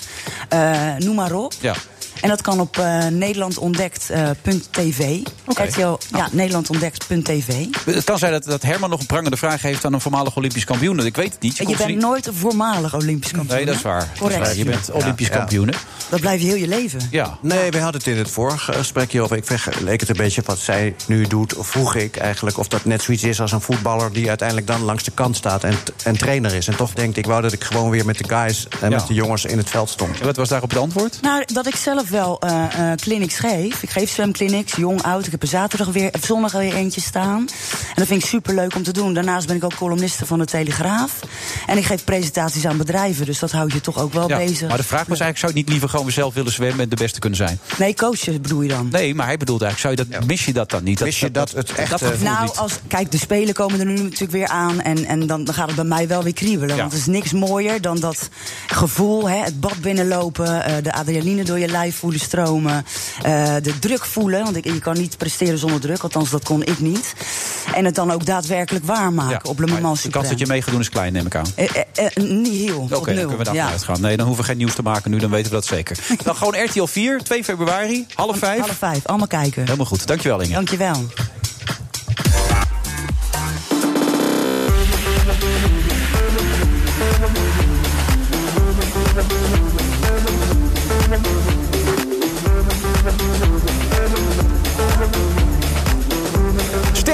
De Bruin. Die schuifelt nu heel voorzichtig weg. We hebben er net met drie man van een stoel moeten tillen. Want ja, het is echt heftig wat hier aan de hand is allemaal. We hebben de andere man erop moeten tillen ook. Maar dat heeft meer met de leeftijd te maken. Bernard Handelburg. Goedemiddag. Goedemiddag, goedemiddag. Ja, het gaat helemaal goed met jou, hè? Je bent helemaal Picobello, toch? Ja hoor. Ja, net een skin heb je me net nog verteld. Een skin, omdat je last had van je Oh, neusholtes. Ja, ja, nou ja, zeg, kom op. Dat kan wel, dat is niet erg. We hoeven ons geen zorgen te maken. Nee hoor, nee, nee, nee. nee. Oké, hij zit me aan te kijken met zo'n blikje. Nou, ja, ik vind, ik- waarom, waarom moet dat zeg maar, in de uitzending? Maar goed, dat is, ook geen geheim. Nee. Verkoudheid die al honderd jaar duurt. Ja, daar moeten we vanaf. die KNO zegt, Ja. weet je wat, we gaan een keertje even die holtes scannen. Dat is wat er is gebeurd. Ja. Nou ja, het ziet er hartstikke goed uit zoals je erbij Ja, zit. ja, dus ik maak me geen enkele zorgen over je. Maar wat, wat vind jij van Herman Koch als schrijver? Eh, ja, nou, het- ik ben een bewonderaar. Eh, maar ook niet alleen als schrijver, maar gewoon, ja, jullie zijn het hele palet al doorgelopen. Ook eh, de, De acteur. acteur en ja, gewoon performer. Ja, dus ik ben een bewonderaar. Ja. Kan hij verder niks mee, Nee, wel. Ja. nee, dat kan niet. Nee, daar is eraan gewend. Ik, toen we, Ja. we waren al een beetje aan de vroege kant. Dus ik zei, ja, de- je bent een ster. Nou ja, dat vind Dat ik vind ook. ik wel een mooie opmerking. Hij is eraan gewend. Ben je eraan gewend, Ja, Herman? nou, hij vond, het, hij vond het eigenlijk maar niks. Maar hij gaf wel toe. Ja, er zijn zoveel mensen die het zeggen. Het zal dan wel kloppen, zo ongeveer. Hè? Ja. Nou ja, wat ik net eerder vertelde, dat ik dan eh, voor het eerst over straat ging lopen na de eerste keer op tv te zijn geweest. Dat lijkt nu wel heel lang geleden. Ja. Nu, nu loop ik iets meer van. eh, ik hoop dat ze het niet meteen eh, zien. Hoewel ik dat alsnog ook niet, helemaal niet erg vind. Het zijn bijna altijd eh, leuke, aardige Ja. reacties gewoon op straat. Adoratie neem ik aan. Nou, adoratie Jawel. is een groot woord. Ja, bewonderaars. Dat is toch, ja. Ja. ja. ja, iemand zegt wel eens tegen mij: Ik ben een bewonderaar. Ja, Ja. Dat vind ik, ik vind het wel mooi klinken. ja, u bent een ubertalent. Eh, ook dat wel eens, ja. Het woord, een, uber, uber- een ubertalent. Ik vind Ja. het meer iets wat je tegen een, eh, tegen een chauffeur van een Uber zou, Ja. zou kunnen moeten zeggen. Ja, en zo talentvol zijn die vaak niet. Niet, niet altijd. Ja, dan zit je wel eens in die auto dat je denkt, oh, komt dit wel goed? Ja. Hè, Bernard? Maar daar ben je niet voor. Davos, hè, het forum daar wat er allemaal gebeurt. Hè, het Ja, World, nou, leuk. World Economic Forum. Leuk voorval hè, vandaag dat, dat we hoorden dat eh, Mark Rutte met de Nederlandse delegatie. Eh weet ik veel, 50 kilometer verderop in een dorpje moest. Ja, hoorde ik ook, ja. Omdat eh, ze, ze, ze konden de prijs van het hotel niet betalen. vinden, vinden dat ze dat niet kunnen betalen. Heel, Nee. heel, heel terecht en heel ja. netjes. Wat was de prijs, weet je dat? Geen idee, maar ik ben een beetje in het onderwerp gedoken. Omdat ik el, jaar, jaar in jaar uit altijd denk... waar is dit krankzinnige circus in vredesnaam voor nodig? Ja. En? De- nergens voor. Oké. Dat heeft is een beetje als die lijst die we net behandeld hebben, die top 25, gaat daar nergens over. Maar... Wel, maar dat zijn ook. Ja. maar dat- nou, goed, dat weet ik niet. Ik weet ook wie ik heb. Nou, maar dit zijn dus allemaal mensen die. Er zitten, er zijn 3000 gasten die daarheen gaan. Dat heeft een meneer Schwab, die eh, hoogleraar is, een Duitser. Die heeft dat ooit bedacht. Die is er in 1971 mee begonnen. En volgens mij voornamelijk om zijn eigen zakken te vullen. Maar die speelt daar nog altijd de guru. Nee, is die er nog steeds bij betrokken? Ja, zeker. En die is nog altijd een gastheer. En die wordt ook nog altijd op het podium gehezen. Interviewt zelf allerlei staatshoofden en allerlei belangrijke dingen. Die zou in die top 10 van die schrijvers kunnen staan die volgens Ja, nee, maar, dat, maar nee, ik heb dus die cijfertjes, idee eh, heb ik wel. cijfertjes even opgezocht om, om daar te kunnen komen. Hè? Moet, je, moet je lid als bedrijf. Niet, Ja. niet, niet als ehm, lid van een overheid. Dus de premiers of staatshoofden hoeven niet te betalen om erin te komen. Nou, maar Zijn wel voor, zijn wel voor het ongeveer hotel. 300. 300. Ja, wel voor Daar komen we direct op. Oké. Ja, nee, maar je hebt dus eh, naast die 300 zijn er ongeveer 3000 mensen. Dat zijn bijna allemaal mensen uit het bedrijfsleven. Ja. Die vinden het chic om te kunnen zeggen... zag ik zei gisteravond nog tegen Angela... Ja, ja. dat ik het eigenlijk niet met haar politiek eens... ik- en tegen Macron dat hij het wel met hem... maar wel naar Dat de zesde whisky dat willen ze waarschijnlijk, dan- maar goed, Dat willen ze dan kunnen vertellen. Dan moet je lid zijn. Dat kost per persoon 52.000 dollar per jaar. vijf, sorry? ja, per persoon. En, en een, een toegangskaartje, want dat heb je niet automatisch... kost dan nog eens 19.000 dollar per persoon. Voor die Swaap allemaal? Al, al- ja, naar de organisatie. Hij zal het niet allemaal in zijn zak steken. Nee, maar reken- veel, denk ik. Dan heb je zogenaamde industry partners. Eh, wat het zijn, weet ik niet precies, maar ongetwijfeld bedrijven. Die betalen drie- 263.000 euro. Ja, maar dan kunnen ze wel zeggen dat ze industry partners zijn. Ja, ja. maar ze hebben ook aandeelhouders. Hoe leg je het uit? Hè? Mhm. dan, dan heb je strategic partners die betalen 527.000. Ja, maar dan zijn het wel strategic partners. eh, Bernard. Ja, zo is je dat. onderschatten dat een beetje. Ja. Nou, en dan die 3000 mensen, die komen uit 98 landen. Die moeten allemaal daarheen. Ehm, ik neem aan dat ze niet ehm, met de goedkoopste... eh, Nee, als je als strategic partner economy gaat zitten, ben je een lul. Nee, dan ben je Ja, lul. Dus je vliegt, Ja, dat doe je niet. Je vliegt, je vliegt business of eerste klas, of je hebt je eigen toestel. Het staat, dat hele vlieg. vliegveld staat vol met privéjets. Maar ik heb uitgerekend dat het ongeveer 15 miljoen aan vliegkosten eh, kost. Ja, over de Als je een hotel even, even bescheiden neemt, dat is waarschijnlijk veel duurder hoor. Maar 500 dollar per nacht plus een bammetje, want je moet ook nog wat eten 's morgens. Ja, dat, tellen ze er niet bij. Dat is vier, apart. Hè? vier nachten. Ja. ja, dat is ook 6 miljoen wordt daar dus uitgegeven door, door, die, door die leden. En dan de meeste die komen aan in eh, Zurich. En dan moet je naar Davos. Dat is nog even een gedoetje. En bijna al die mensen die doen dat per helikopter. Dat kost eh, per eh, retour kost 7000 dollar. Komt er ook nog eens even bij. Maar dan, en ja? ik dacht ook eens even, even de, nou de voetafdruk. Ja, dat, ja. Want eh, een van de thema's daar is milieu. Ja, hoe kan het anders? Hè? Ja. Ehm, 3000 bezoekers. Die stoten 9800 ton CO2 uit voor dit reisje. En daarvoor heb, heb ik uitgerekend... kunnen 2,7 miljoen auto's een jaar rijden. En 900 huishoudens... tijd over, Bernard. En 9 huishoudens kunnen een heel jaar koken, stoken, vervoer met vakantie gaan doen. niet te geloven. En uiteindelijk zeg jij, dit, jaarlijks slaat dit helemaal nergens En op. als daar nu, als je zou zeggen, nou dat, dat is allemaal niet zo erg, want er komen geweldige dingen uit. En landen die grote Hervormingen, conflicten hebben. innovatie. ja, elkaar enorm beïnvloeden. Briljante ideeën van de grootste economen ter wereld. Maar daar wordt dan ook naar geluisterd. Maar dat is niet zo. Het zijn allemaal vrijblijvende praatjes die worden gehouden. Eh, en en ik, ik begrijp dus niet dat ze er allemaal steeds weer intuinen. Nou ja, er zijn een paar mensen die dat heel belangrijk vinden. Omdat, het is toch vaak de performance, de, de, de uitstraling, het, het erbij mogen horen. Dat is toch dan veel belangrijker voor die mensen. jawel, maar goed, Boris Johnson is niet gegaan. Nee. Nou, die- zei heel terecht, ik heb wel wat anders in mijn hoofd. Ja, maar die wil ook niks meer met Europa te maken hebben. Zo Nee, natuurlijk. nee, Dus dit ja. gaat niet over Europa. Nee, weet ik wel. Maar die wil niks met ons te maken hebben. nee, Die, die zich. Dit Ja. is de World Economic Forum. Ja, Dus hier in Davos. Nee, Europa als, eh, zeggen, als eenheid speelt eigenlijk in dit verhaal geen rol. Hmm. Eh, maar het zijn gewoon al die, vooral al die bedrijven. Die willen aanschurken, ja zusjes, die willen, kunnen aanschurken tegen de Je mag inbreken als je wil hoor, Herman. Als je denkt van hier ga ik even iets kritisch over zeggen. Ik zit al de hele tijd op iets te broeden. Ja, ik zie het aan je, maar het je ziet het wel. En ik ja, zie Herman denken, ik zou daar wel eens tussen willen staan met mijn zonnebril en een pet, toch? Dat denk jij nu? Nee, ertussen staan niet. Ik zou het wel leuk vinden om het van een afstand een beetje te bekijken. Maar ik, ik denk dat het heel saai is. Ik heb altijd wel het gevoel. Ik weet niet of dat klopt bij veel van die topontmoetingen. waar meer dan drie presidenten aanwezig zijn. dat het allemaal een beetje zinloos is. Ja, dan wordt er in de wandelgangen wat geroddeld. of er wordt nog wat bekokstoofd. Maar Ja. Het voelt toch altijd als een fotomoment voor een bordes. waar dan. Ja, goed, maar als het, laten we zeggen... als- Elisabeth in het midden staat. Het kan, kan zijn, maar als er, laten we zeggen, staatshoofden of regeringsleiders bij elkaar komen in de G7, ik noem maar wat, dan hebben ze vaak nog wel eens een echte agenda. Dan gaat het om, kunnen we misschien de handelsoorlog tussen Amerika en, en, eh, en China oplossen? Of kunnen we iets bijdragen om dat eh, te versnellen of te verbeteren?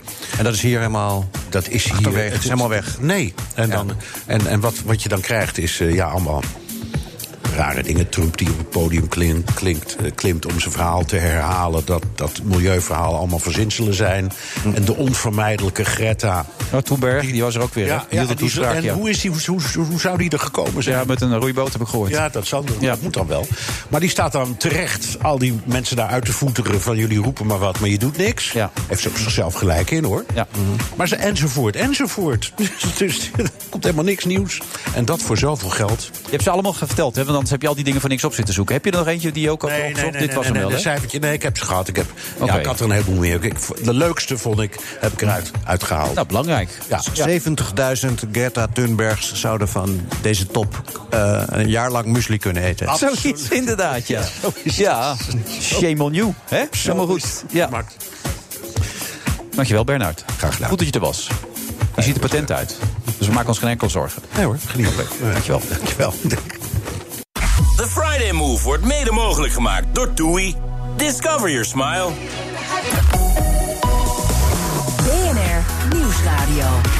The Friday Move. First U.S. case of that coronavirus. Ik zou er graag een antwoord op willen hebben. Eh, de rode lijn is dat wij eh, fundamenteel moeten nadenken over de arbeidsmarkt in de toekomst. Er is hier en daar nog een convenience store open en een enkele supermarkt. Wilfred Gené. Ja, ja, vanuit de... Sky- Oh, oh, oh, wat is dit zeg, hé? Sky Lounge Dolce bij Hilton Hotel is opgefokt. Onze floor manager, die gaan helemaal uit hun plaat. Dat heeft ook te maken natuurlijk met de aanwezigheid van Herman Koch. Eh, briljant schrijver, Uber-categorie, dat was het toch?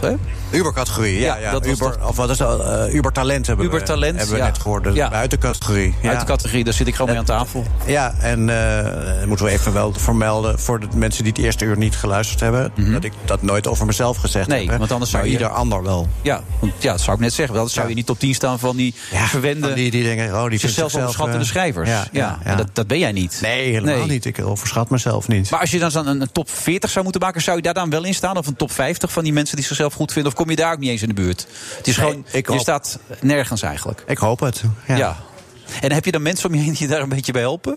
Die me daarbij helpen. Ja, om dat, gewoon, dat gevoel Oh. vast te houden van doe maar gewoon, dan doe je al gek genoeg. Dat idee? Nee, want dat is, als, het, als het goed is, als het, als het gewoon echt is en het klopt, heb je, dat, heb je daar niet echt advies bij nodig. Oké. Ja, ik heb wel eens iemand die dan tegen mij zegt. eh, dat zou ik dan misschien maar beter niet doen. Ja. Maar ik weet, niet, ik weet niet wat het was. Ik, weet, ik geloof niet dat dat dit programma was. Nee? Nee.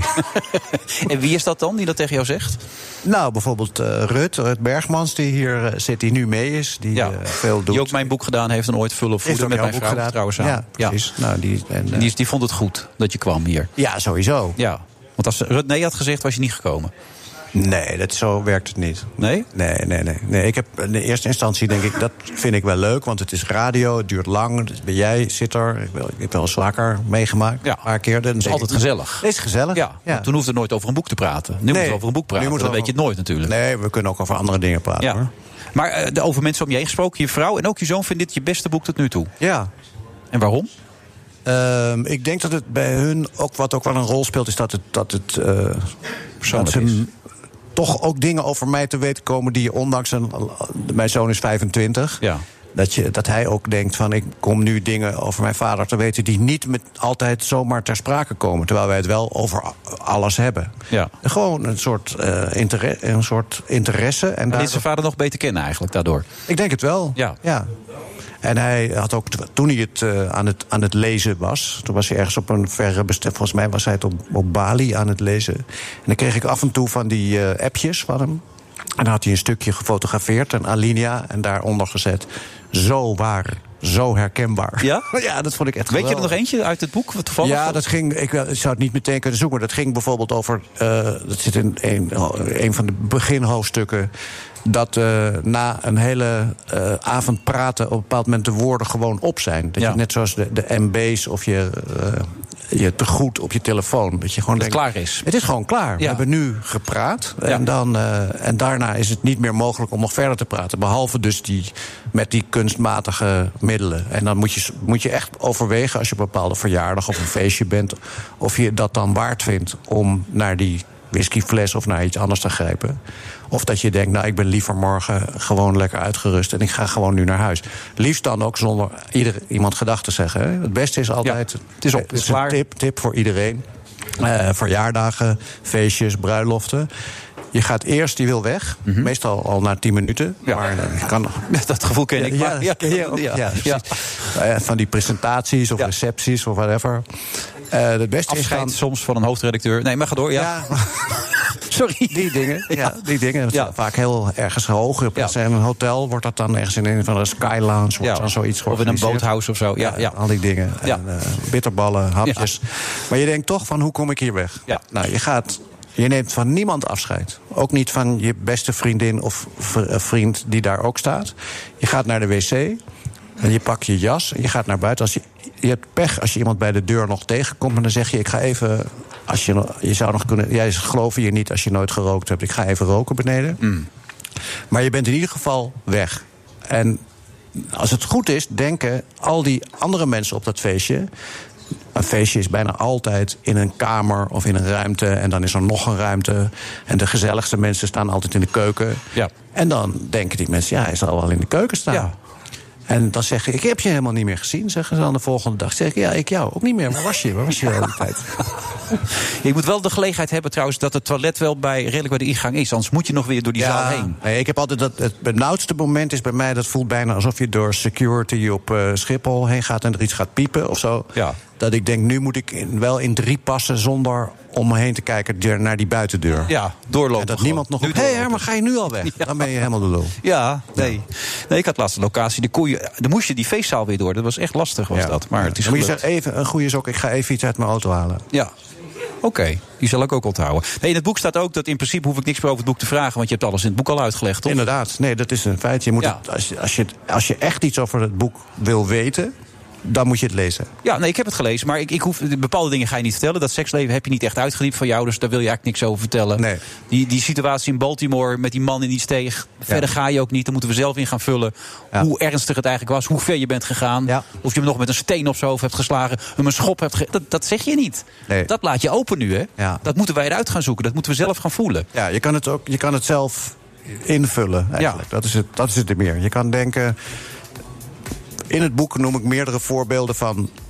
dat je een verhaal eigenlijk altijd wel een beetje aandikt. Als je iets vertelt, je iets hebt meegemaakt... of je bent op, op reis geweest, dan kom je altijd wel terug. Vooral als er verder niet te veel getuigen bij waren. Want als je...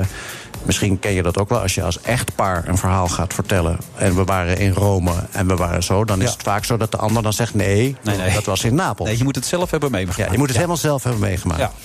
En eh, dan kun je dus op het moment dat je begint te, te, te vertellen...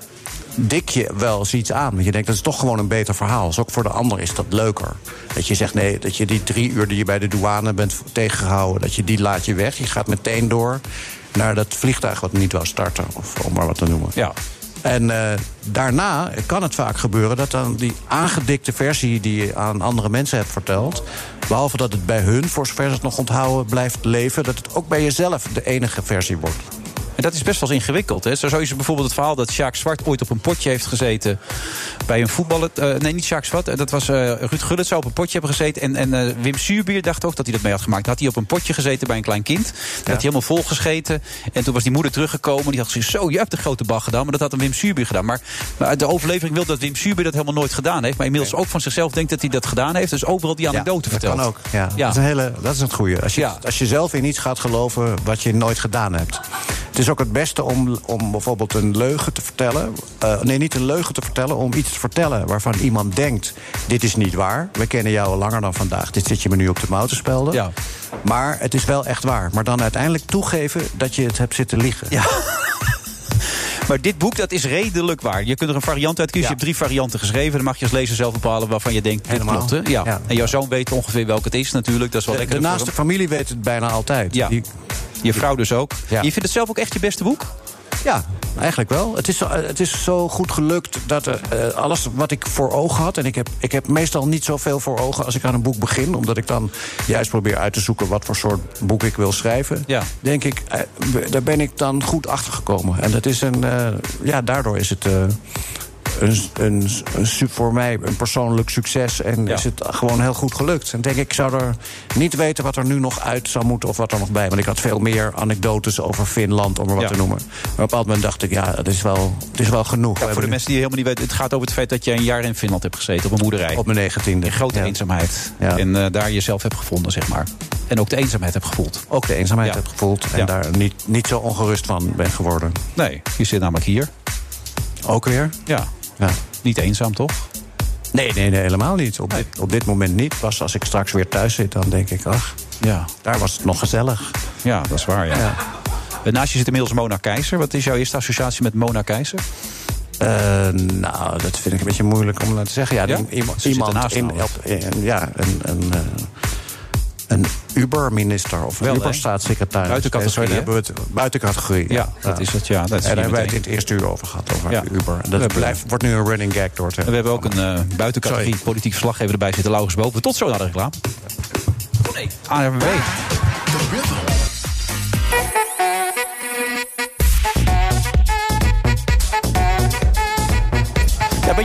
Die, reclame is natuurlijk nu uit. We hebben een hele nieuwe opzet van dit programma. Dat is zo'n verandering meteen ook. Je voelt ook dat er meer flow in zit en zo. En dat is de ANWB alleen er tussendoor. En verder eh, ja, gaan we gelijk weer door. Herman Koch, wat wat stem je, stem je eigenlijk normaal gesproken? Eh, ik ben altijd wel zo'n beetje zo'n eh, tussen eh, iets linksig, midden. Ik ben eigenlijk een heel trouwe, gewoon P van de A-stemmer. Ook als het heel slecht Ook in die moeilijke periode was jij een van die weinigen die nog ik, steeds... ik, was, ik, was, ik was een van diegenen die er bij de laatste verkiezingen in geloofde. dat ik dacht, je zult zien dat er meer mensen zijn zoals ik. Die niet willen dat ze nou helemaal ten onder gaan. Toen voelde je een beetje die Finse eenzaamheid natuurlijk. Ja, je bemerkte dat dat niet zo was. Na de uitslag voelde ik die Finse eenzaamheid wel. CDA absoluut nooit een optie geweest in je leven? Nee. Maar ja, nooit een optie is, ja, waarom niet? Omdat je, dat, dat ik daar niks mee heb. Ik ben ook niet. Dit is natuurlijk een christen-democraten en zo. Ik ben niet religieus opgevoed. Ik voel me, dat, het staat heel ver van mij af. Maar, maar dat hoeft ook niet. Hè? Je mag ook CDA stemmen als je niet religieus bent opgevoed. Oh, dan doe ik dat de volgende keer. Nou, afgesproken. Ja, want je zegt het de Uber-staatssecretaris, maar de, misschien ook wel de nieuwe partijleider natuurlijk straks. Hè? De, de, de nieuwe fractievoorzitter. Want die twee die vechten om een been. En de derde, Laurens Boven, gaat ermee heen. Hè? Dat zou maar kunnen. Ja, toch? Nou, in ieder geval is Mona Keizer altijd eh, eh, de eerste van de partij om te zeggen... als het weer gaat over de twee Ja, kroonprinsen... Wopke dat en meer- Hugo, hè? die mannenstrijd. Ja, er zijn er meer. Ja, nou ja, eigenlijk is er maar één, denk ik. Toch, Mona? Er is maar één Mona. Maar mag ik nog wel Mona zeggen Ja, nu staatssecretaris bent? Nee, Vroeger was het altijd Mona, maar Nee, ik, ik weet niet zou of dat nog kan. Nee hoor, zou ik vooral blijven doen. Oké. Ja. ja. Ja, er is toch maar één eigenlijk. Het wordt nu tijd. Je hebt de meeste voorkeurstemmen ooit, weet je wel. Ja, dat Meer dan is 167.000 stemmen de laatste keer, Ja, toch? ja, dat zijn er Is nog nooit voorgekomen? Nee, is nog nooit vertoond. Ik Dat zou klopt. zeggen, doen. Ja, we, we gaan tegen die tijd er maar eens over nadenken. Eh, maar wat eh Laurens zegt, dat eh, klopt. Wat ik wel gezegd heb een tijdje geleden... toen het weer over de kroonprinsen ging... toen heb ik wel gezegd, ho ho, wacht eens even. We hebben binnen het CDA ook kroonprinsessen. Ja. Meerdere topvrouwen, wat mij betreft. Hank Bijleveld, Lisbeth Ja, maar die noem je voor de vorm dan. Dat doe je nee, voor de vorm. Nee, zeker niet. Jawel. We hebben veel meer topvrouwen, niet alleen in de politiek... maar overal in dit land. Maar er is maar één Mona Keizer. Er is maar één Mona Er is maar één Mona Keizer. Ja, dus zeker ja. Je weten. stond op twee, toch? Op de lijst? Ja, klopt. Ja. Nee, want dat was wel grappig dat Mona Keizer dus op twee stond. En toen was de formatie bezig. En toen ging steeds de partijleider met de nummer twee naar de formatieonderhandelingen. En dat was bij het CDA, was dat dus. eh, eh, Pieter Heerma. Samen die, met die ging met. Sibren- ja, klopt. Sibren- Sibren Buma natuurlijk. Dat was de Ja. ja, ik ben nog weer vergeten. Ja, nou, die is nu burgemeester, wist je Ja. dat? In Leeuwarden. Al- al- Ja. nu alweer Maar die ging dus met Pieter Heerma en dus niet met Mona Keizer. klopt. Dus je was wel de nummer twee, maar je was niet de tweede man. In de zin nee, van nee, nee. de nummer Tweede twee. man, dat zou sowieso een eh, grote. Maar dat is toch gek? Eh, nee, want eh, daar hebben we het toen eh, over eh, gehad. En Pieter ehm, eh, zat, had een veel langere ervaring in Den Haag. Ik zat samen met de andere leden van het eh, eh, fractiebestuur in de ring daaromheen. om te, ervoor te zorgen dat als ze terugkwamen, dat ook alles goed besproken werd. Dus ja, nee, dat was gewoon een keuze die toen gemaakt is. Ja, maar ja, als je dan. eh, eh, de, de- ik kan me voorstellen dat er nu dan die nadruk op van ik ben er ook nog, ik kan me ook wel eens kandideren. eh, dat dat ook een soort, soort claim daarop is. Om duidelijk Nee, te het maken is- van het is de vrouwen niet- tellen ook mee. Het, het is niet een. een- een- ja, kijk, dat is iets anders wat je nu zegt. Ehm, kijk, als je kijkt naar het Haagse journaal, dat zijn bijna allemaal eh, mannen. En dan het automatisme. eh, als het gaat eh, over. nou, wie gaat straks welke kar dan ook trekken. En dan elke keer alleen maar de mannen te noemen. Terwijl in, onze, in onze fractie heb je bijvoorbeeld Madeleine van Torenburg. Dat is ook iemand die heel goed is, heel deskundig. Maar er is maar één Mona Keizer. Er is absoluut Ja, maar één er is maar één Mona Nee, Keizer. Nee, dan kunnen we gauw stoppen moet wel zeggen. Bona, als je eerst A zegt, dus je roept er zijn veel meer dan die twee mannen. En dan moet je ook B zeggen, je moet het gewoon gaan doen. Klaar. je moet, je moet ik- gewoon kandideren. Vind ik, vind ik aardig dat je dat eh, zegt. eh, maar tegen die tijd eh, ga ik erover nadenken. Maar wat is tegen die tijd? Hoe lang, gaan we dat, hoe lang gaat Volgens het nog mij duren? gaat dit pas allemaal spelen rond de zomer. Dan pas? Ja. Oké. Nou, Den Haag is de Ik campagne kijk er nog even aan, doordringend, maar het helpt niet. Hè. Je gaat er verder Nee. zeggen. Nee, zonde is dat. nou, jammer. Je komt net terug uit Amerika. Ik kreeg van jouw eh, voorlichter, of woordvoerder moet ik zeggen... Harold Hanemeijer, heet hij zo? Ja, klopt. Nou, die heb ik alleen maar goed nieuws eh, shows zien sturen naar mij. Zeg. Je hebt alleen maar geweldige dingen gedaan tot nu toe. Je was in Las Vegas geweest, was een doorslaand succes. Absoluut. Ja. En, en, eh, Doorslaand succes. Ja. Harold er ook bij. Schreef Ja. hij er ook bij en zo. Absoluut. Doorslaand succes. En dat is ook zo, als je kijkt naar eh, de bedrijven waar wij daarmee eh, geweest zijn. 50 Nederlandse start-ups. Dat zijn startende bedrijven met Ja. allerlei technische producten en nieuwe technologieën. Als je kijkt naar hoe die het gedaan hebben, is het echt heel bijzonder. Ehm Hydroloop is een bedrijf die heeft een bepaalde ehm, riool, nee, een bepaalde waterzuiveringsinstallatie voor in je eigen woning eh, gemaakt. Eh, De best of the best Ja, zijn erbij, die best eh, the genoemd. ja, ja. 4000 eh, bedrijven staan er op die beurs van In Vegas. heel klein tot heel groot. En zij zijn gekozen de best of de best. Worden overstroomd door opdrachten nu. Hebben een fabriek in Emma. Dus dat is ook heel mooi voor de werkgelegenheid daar. Ja, want het dierenpark loopt niet zo lekker namelijk. Dus dat is wel goed dat er een fabriek is die een beetje goed werkt op dit moment. Ja. En er zijn nog veel meer bedrijven zijn daar mee geweest die hele mooie relaties gelegd hebben. Er is een bedrijf die heeft een koelkast ontwikkeld die maar zes uur stroom per dag nodig heeft. Je gaat gewoon door hè, met de Eh, opzomming. ja, we hebben ook het- nog niet eens de verdubbeling van de innovatie. Hè? Ja. Nu naar 4,9 miljard volgens mij. Ja. Het, gaat, het was een en al goed nieuws show. Toch wo- wonen we in een land te wonen waar mensen allemaal boos zijn. Ze staan steeds op het Malieveld. Boeren, hè, zorg, Ja. eh, bouwers enzovoort. Eh, als, dus al die goed nieuws show, dat, dat, dat zijn ook andere dingen natuurlijk. Nee, maar kijk, je hebt natuurlijk aan de ene kant... ehm, het gaat goed met Nederland, het gaat goed met de Nederlandse economie... met de innovatie, maar tegelijkertijd eh, maken Profiteren mensen er te zich, weinig mensen van, maken mensen zich daarover, daar zorgen over. Dus in die zin is het feit waar ik mee bezig ben... namelijk de economie, economische groei, werkgelegenheid...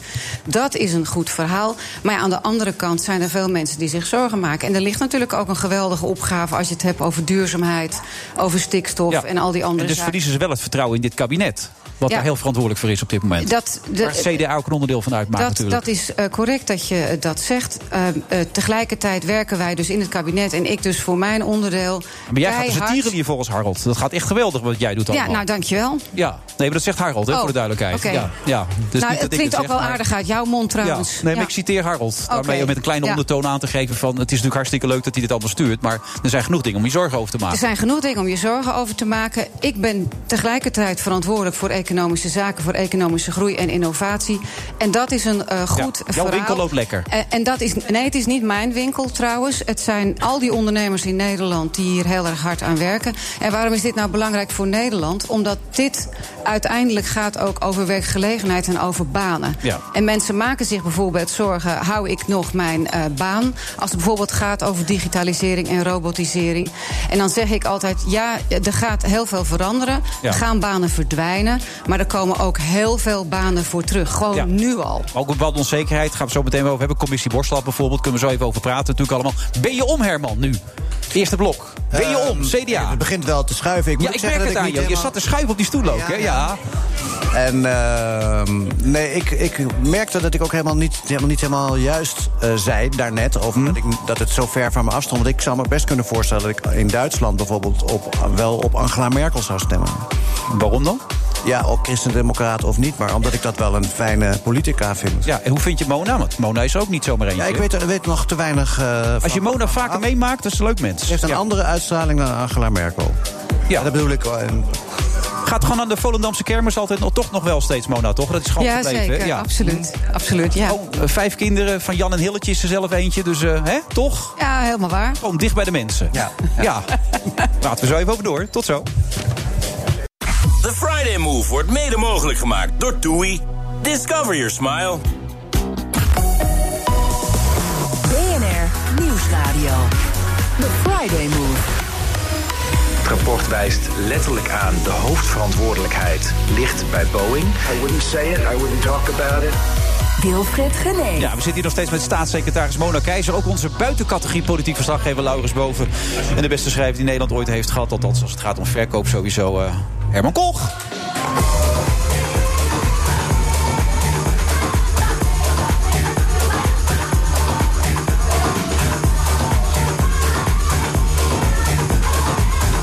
Ik werd zojuist aangesproken door de woordvoerder van Mona Keizer, Harold Hanemeijer. Die zei: Het is inderdaad een beetje een, een saaie mail, is het inderdaad. Het is wel een beetje veel goed nieuws enzovoort allemaal. Harold had het zelf nu ook wel door, Mona, toch? Hè? Nou, dan leert hij snel. Ja, zo werkt Ja. het inderdaad. Is het een goede woordvoerder? Ja, ik ben zeer tevreden. Wat maakt hem goed? Ehm, hij ehm, eh, weet eh, heel veel waar het eh, over gaat. En hij uh, goede contacten met journalisten. En helpt je ook om op de juiste momenten te vertellen waar je mee bezig bent. Want dat wat ik altijd zeg. Het is heel mooi dat je als staatssecretaris of winstpersoon of politicus goed werk doet. Maar het is ook wel de bedoeling dat mensen het weten. In die zin is het Wow. net als verkoop. Ja, zo is het wel. Dat doet Harold heel goed Ja, dus. dat doet hij heel goed. Die snapt dat heel goed. Jij wilde nog even kritisch zijn, toch? Ook over de commissie Borslap, commissie met uitspraken enzovoort, of niet? Nou, het probleem is wel een beetje dat. eh, De linkse commissie- partijen zijn boos een beetje erover, hè? Over die uitkomsten daarvan. Ja, en de rechtse partij ook wel een beetje. Want eh, de, de flexwerk eh, wordt natuurlijk minder flex. Maar het probleem is dat dat is niet het probleem. Het probleem is meer dat ehm, eh, dit kabinet eigenlijk van start was gegaan om al die volgens hun zo vreselijke wetten van Lodewijk Asscher van het vorige kabinet om zeep te helpen en, en terug te draaien. Ehm, en dat je dus ziet dat dat gewoon niet gebeurt. Want het kabinet heeft dan een commissie aan het werk gezet. Nou, dat is dus nu uitgekomen. We zitten een- een jaar voor de verkiezingen. In Den Haag is de campagne eigenlijk al begonnen. En je hoort het net eh, eh, Rutte zeggen in zijn persconferentie... dat hij er eigenlijk vanuit gaat ook dat deze ja, uitkomsten van die commissie... met die nieuwe arbeidsmarktplannen... dat is eigenlijk voer voor de volgende formatie. Ja, zoals er heel veel plannen liggen. Hè? Ja, dus de Lelystad, erfenis van- eh, van- investeringsfonds van Wop Koekstra. Die veel ook. dingen die je door kan schuiven, Precies. toch? Ja. dus de, de, de erfenis van dit kabinet draagt op deze manier... als ze dat inderdaad de komende jaar niks meer gaan doen... dat het, dat het echt gewoon een, een, ja, een soort... Wat heb je er dan aan gehad? Ja, wat heb je eraan gehad, Mona, dan? Nou ja, Het- kijk- Het kabinet heeft een commissie benoemd en een onderzoek eh, Ja. Nou, kijk, als je, als je kijkt naar wat. Want dit gaat over de portefeuille van Wouter Koolmees. eh, de minister van Sociale Zaken en Werkgelegenheid. Die, heeft, die is natuurlijk wel bezig met die wet eh, arbeidsmarkt eh, in balans. Ehm, daar ligt vervolgens nu het rapport van de commissie Borslap. Ik zelf ben verantwoordelijk voor de post. Maar een van de eerste dingen die ik gedaan heb, ook na jaren discussie, is regelen dat de postbezorgers in dit land, dat gewoon 80% daarvan een arbeidscontract Oké, maar de, de, de MKB'ers Dus zijn ik vind het, ik vind het, ik vind het jou? Prima als, als je heel kritisch eh, bent. Dat, dat hoort ook zo. Dat mag ook. Ja. Maar, Maar eh de dingen die jij hebt gedaan zijn goed gegaan, bedoel je? eh, ik heb zelf eh, in mijn verantwoordelijkheid eh, de, de- Ja, daarvoor ook met die gezorgd. termijn met die providers die nu wat verlengd was. Dat, daar ben je ook verantwoordelijk voor dan? Als je een overstap maakt enzovoort? Of? Eh, dat, dat zijn wetsvoorstellen die, die ik gedaan heb. Ja. Eh, de, de, de wetsvoorstel die er nu aan zit te komen... is om eindelijk eens een einde te maken aan de telemarketing. Die irritante telefoontjes s'avonds om zes uur. Maar Mona, sta je dan niet in de ministerraad met je vuist op tafel en Juist. zegt van lieve Wouter, ik ben hier de staatssecretaris van het MKB. Die hebben problemen met jouw arbeidsmarkt. Jij had beloofd om de arbeidsmarkt te hervormen. En waar blijft die hervorming? Ehm, de, die gesprekken die voer ik eh, uiteraard. Eh, er ligt nu het rapport van de commissie Boslab. En het, het is, het- ik zie het ook gebeuren. Eh, links is er niet blij mee, rechts is er niet blij mee. Het midden vraagt zich af op welke onderdelen hier nu geacteerd moet worden. Ik zelf vind het heel erg goed dat dit eh, verhaal er nu ligt. Want nu is Denk wel je dat de een- arbeidsmarkt nog hervormd wordt deze kabinetsperiode? D- dat, dat wordt spannend, want we hebben nog Niet dus. Anderhalf jaar met elkaar. Maar dat wordt spannend, is tegelijkertijd. politieke taal voor de Ja, dus. d- weet je, het- je kunt geen ijzer met handen breken. Maar wat wel heel goed is, dat er nu wel eindelijk eens een goede analyse eh, ligt. Die ook aangeeft waar, waar het probleem hier zit. Dat door al die, flex, eh, die flexcontracten mensen los komen, staan, eh, komen te staan van elkaar. Dat onze sociale zekerheid zo langzamerhand niet meer eh, eh, te betalen is. Omdat ook veel mensen daar, als je, als je ZZP'er bent, die afdrachten niet doet. Dus dat geeft wel aan dat er een probleem is. Waar het nu om gaat, is dat we met elkaar die analyse goed eh, lezen en goed kijken. Wat moeten we nou gaan doen? Ja, en ja, zo zit ik zelf ook in elkaar. Ik wil liever gisteren dan, dan morgen. Maar ja, Nou ja, maar je, je vertelt wel iets belangrijks. De dingen die jij wilde, die zijn over het algemeen gebeurd. Dat wat jij moest doen, dat is gebeurd. Nou, de- n- nog niet alles. Want Nee, maar- bijvoorbeeld de franchisewet. eh om te zorgen dat de, de, de machtsverhouding tussen kleine franchise-nemers en grotere franchise-gevers. dat die wat meer in balans komt. Die wet gaat wel binnenkort naar eh, de Tweede Kamer. Ja. En dan is het aan maar jij pakt dus door. Dan kom ik even terug op het begin. Dat jij misschien toch ook eh, daarvoor moet gaan. Hè, de positie bij het CDA. En ook gewoon de nieuwe minister-president moet worden. Dan gaan we doorpakken in dit land. Dus dat, dat is eigenlijk De conclusie. De dingen die jij hebt gedaan gaan over het algemeen door. Die gebeuren. Dus die stap moet gewoon gemaakt worden. Er moet een vrouw aan het roer komen die een beetje doorpakt. Oké, is nou, dat de conclusie? nou, dat is jouw conclusie. Ik, ik Ah ja, vind jij vertelt van, alles wat je hebt gedaan, dat jij wel hebt doorgepakt en je collega's nog niet. Dus eh, in Ja, dat opzicht. Ja, kijk, op zichzelf zou het, zou het mooi zijn als er een, een vrouw aan het roer komt. Maar nogmaals, als je het over mijn, mij hebt en Ja. mijn positie binnen het CDA. Ik ben nu staatssecretaris voor Economische Zaken. Dat probeer ik gewoon Ja, naar mijn ga je beste weer politieke vermogen te antwoorden doen. geven. dat is jammer. zo- We waren nee, net op het nee, punt dat je bij de nee, minister-president nee, was. En nu dan ga je nee, weer terug. Dat is nee, jammer. Nee, ik was niet bij de minister-president. Ja, ik Jij wel, was bij maar- de minister-president. Ja, en jij vond het geen onwelwillende gedachte. Ja. Zie je dat voor je, Herman Koch? Minister-president Mona Keizer? Absoluut. Ik Ja, ook. Geen enkele twijfel. Nee, Nee. gewoon qua uitstraling. Alles gewoon, toch? Maar Ja. Ik, weet- ik, weet, ik weet te weinig van de, de materie. om- te zeggen eh, dat ik waar we het nu over hebben, waar jij het over hebt.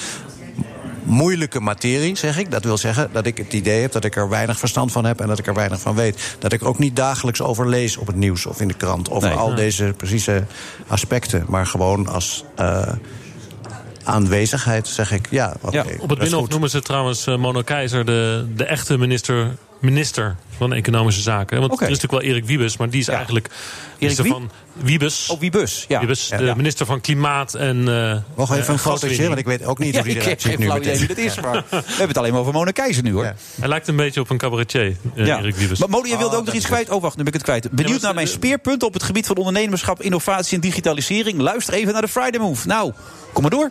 Eh, Sorry, eh, Dat heb je zelf getweet dit namelijk. Oh nee, dat heeft natuurlijk Hargold gedaan waarschijnlijk. Ja. Die heeft gezegd, benieuwd naar mijn belangrijkste speerpunt in 2020... op het gebied van ondernemerschap, innovatie en digitalisering. Ja. Luister naar de Friday Move. Ja, zeker. zeker. Harold, heb- geef ze even door, Nee, Harold. nee, nee. nee. Oh, je Ik- weet ze wel. Ik Oh. zat nog bij de aanwezigheid van meneer Koch. Ik denk, Ja. we zijn hier natuurlijk allemaal aanwezig vandaag. Nee, als je het hebt over digitalisering... Ja. dat zijn eh, eh, onderdelen die eh, ook van het grootste belang zijn. Onze economie digitaliseert. Dat is gewoon inmiddels gebeurd. En wat wel nodig is, dat we daar ook in eh, mee gaan doen... blijven doen in de rest van de wereld. We zijn, een van, we zijn eh, de, de meest concurrerende economie... de beste innoverende economie. Maar dat moet je wel blijven. Dat blijf je niet vanzelf. En daarvoor is dus nodig dat er daar ook in geïnvesteerd wordt. En samen met bedrijfsleven, toch onderwijsinstellingen. Jazeker. Dus Ja. dat, is, dat is precies wat daar eh, staat. Ja. Zodat mensen ook weten dat er ook geïnvesteerd eh, wordt in bijvoorbeeld digitalisering. Dus je hoeft eigenlijk geen speerpunten En meer te noemen. Dat en gebeurt zeg kunstmatige intelligentie, om er maar eens eentje te noemen. Ja. Dat zijn allemaal van die zaken waar nu dus ook in geïnvesteerd gaat worden. Om te zorgen dat we blijven meedoen op wereldniveau. Want ja, ik zeg altijd, we zijn een klein land. Als eh, wij de rest van de wereld niet zouden hebben, heb je 17 miljoen klanten in Nederland. En dan ben je gauw uitverkocht. Zo, hé. Hey. Hé, Laurens? Daar ben je stil van, hè? En de klanten op. Toch? Er, er zijn ja, we hebben, we- kijk, omdat je lid bent van de Europese Unie, heb je de 500 miljoen. En dat, en dat maakt het dus ook aantrekkelijk eh, om als ondernemer daar binnen te opereren. Maar dan moet je wel zorgen ook dat je eh, investeert in die nieuwe technieken. Om weer te zorgen dat je mee blijft doen. En dat is weer belangrijk voor werkgelegenheid, voor de baan in dit land. Je, je kan het goed verwoorden, Mona, over het algemeen. Je zit goed in de materie. De dingen die je hebt gedaan, die zijn zo over het algemeen goed gegaan. Eh, maar je zegt ook eh, in een interview van verbinding... dat ontbreekt er een beetje op dit moment in Nederland. Hoger en lager opgeleiden. We moeten elkaar weer een beetje zien te vinden. Als jij nou wel die functie zou nemen van fractievoorzitter... misschien zelfs minister-president wordt... hoe zou je die verbinding terug willen brengen dan? Nou, eh, wat je, wat je veel ziet ehm, in, in dit land, tenminste, het is ook wat ik wel heel vaak hoor van mensen, als ze bijvoorbeeld horen dat hun kind een eh, advies VMBO krijgt, dan zijn mensen soms in zak en as, want dat was toch niet de carrière die zich zagen voor hun kind. Ehm, ik zou zeggen, stop daar eens mee. Eh, wij denken in dit land nog steeds dat als je een technische opleiding gaat volgen, dat je in een, in een tochtige, vieze fabriek terechtkomt. Het tegenovergestelde is het eh, geval. Eh, mensen die een opleiding eh, kiezen in de techniek en vanuit het VMBO naar het MBO doorgaan, hebben nagenoeg gewoon een baangarantie. Dus zie dat ook en zorg dan ook dat je je kind stimuleert om dat te gaan doen. Nou, dat is een van die zaken die echt ook anders moeten gaan. Ja, dat is één specifiek voorbeeld, maar het gaat om veel meer natuurlijk. Het gaat uiteraard om veel meer. Maar het grote verhaal zou je dan kunnen vertellen. Dat heb je in je hoofd zitten. Ja. Ja. Nee, maar dat is wel belangrijk, toch? Als het zover eh, komt, dan kom ik wel een keer terug. Zullen we Ja. dat afspreken? Ik kijk weer even naar Herman Koch. En, Herman, hoe is het nu? Wat? Nou, met je gevoel voor het CDA. Eh, nou ja, het begint wel, het begint wel iets te borrelen. Ja, het begint toch? wel iets te broeien. Ja. Ja. Ja. Maar meer kan ik er niet over zeggen. Nee, je wilt toch even laten Je, wilt, inwerken op eh, je. je, je moet ook, als je, als je, zeker als je schrijver bent en je schrijft romans... is het het beste dat mensen niet precies van je weten waar je politiek staat. Dus ik heb al nu al wel gezegd waar ik trouw op stem. Ja. En dan moet je dat een beetje achterhouden. Net zoiets als ben je voor of tegen de monarchie. Dat, dat is het De beste. monarchie, ja? Ja. Ja. Ja. Sorry. dat is het wel. Ja, het is een goede woordspeling. Nee, ik hoorde voorbij de komen. Dat Ja. weet je dus nu niet, hè? Dat is Misschien niet helemaal toevallig dat ik dat nu... Maar er moet, de, de monarchie is ook belangrijk, zeg je. Er moeten meer verbindende Ja, kijk, dat, maar ja, dat, dat is er ook zo eentje. We, we klagen wat af eh, in dit land. En dan hebben we het ook vaak over ons koningshuis. Als er iets is wat Nederlanders met elkaar verbindt, is het oranje. Dus we mogen ook wel eens wat trotser zijn op dat eh, koningshuis. Is trouwens ook economisch weer van het grootste belang. De deuren die zij openen in het buitenland, ook voor onze ondernemers, is gigantisch. Met wie was je ook alweer naar... Ik was met eh Constantijn van Oranje daar aanwezig. Maar dat geldt ook voor onze koning en onze koningin. Eh, ik was op eh, handelsmissie eh, in India. Het is echt eh, bijzonder om te zien hoe daar deuren eh, geopend worden voor de Nederlandse ondernemer. Ja. En het is ook niet terecht dat al die prinsen een VMBO-advies hebben gekregen, natuurlijk. Maar daar was ik niet bij. Het is altijd leuk dat je er bent, eh, Mona. Eh, Kom snel weer een keertje langs. Graag. En ik, ik zou het geweldig vinden als je het zou doen. Nou, Ja, dankjewel. Ik vind eigenlijk gewoon dat je het moet doen. Ja, dat- daar heb je helemaal niks aan, dat weet ik ook wel. Maar ik zie dat ze het gaat doen, Laurens. Dat gevoel heb ik gewoon. Ja, je. natuurlijk gaat ze het doen. Ja, hè? Het is de nummer 2 van de CDA-lijst van de Ja. vorige keer. 100, meeste voorkeurstemmen. hè? Daarom. Dus Meer dan- dan 167.000 stemmen. Je Nou, kan, ik, heren, je als kan het het zover komt, mogen jullie in mijn team. Zullen Nee, we maar dat je- afspreken? je kan Dat vindt Harold niet leuk. Oh, Je kan het ook omdraaien. Je kan ook zeggen van het zou gewoon raar zijn als je niet kandideert. Rond de zomer gaat het spelen en dan Ja. gaan we er maar eens over nadenken. En dan eh, hoort u het wel. Wanneer is de Volendam kermis ook alweer? Eh, begin september. Oh, ja, dan kun je daarna gewoon lekker vieren daar ook. Dat is Ja. leuk, man. Ja. Ja, dat is, maar dat gaat altijd door hoor. Ja, dat is waar. Ja. Dankjewel. Tot de volgende keer. Tot je dienst.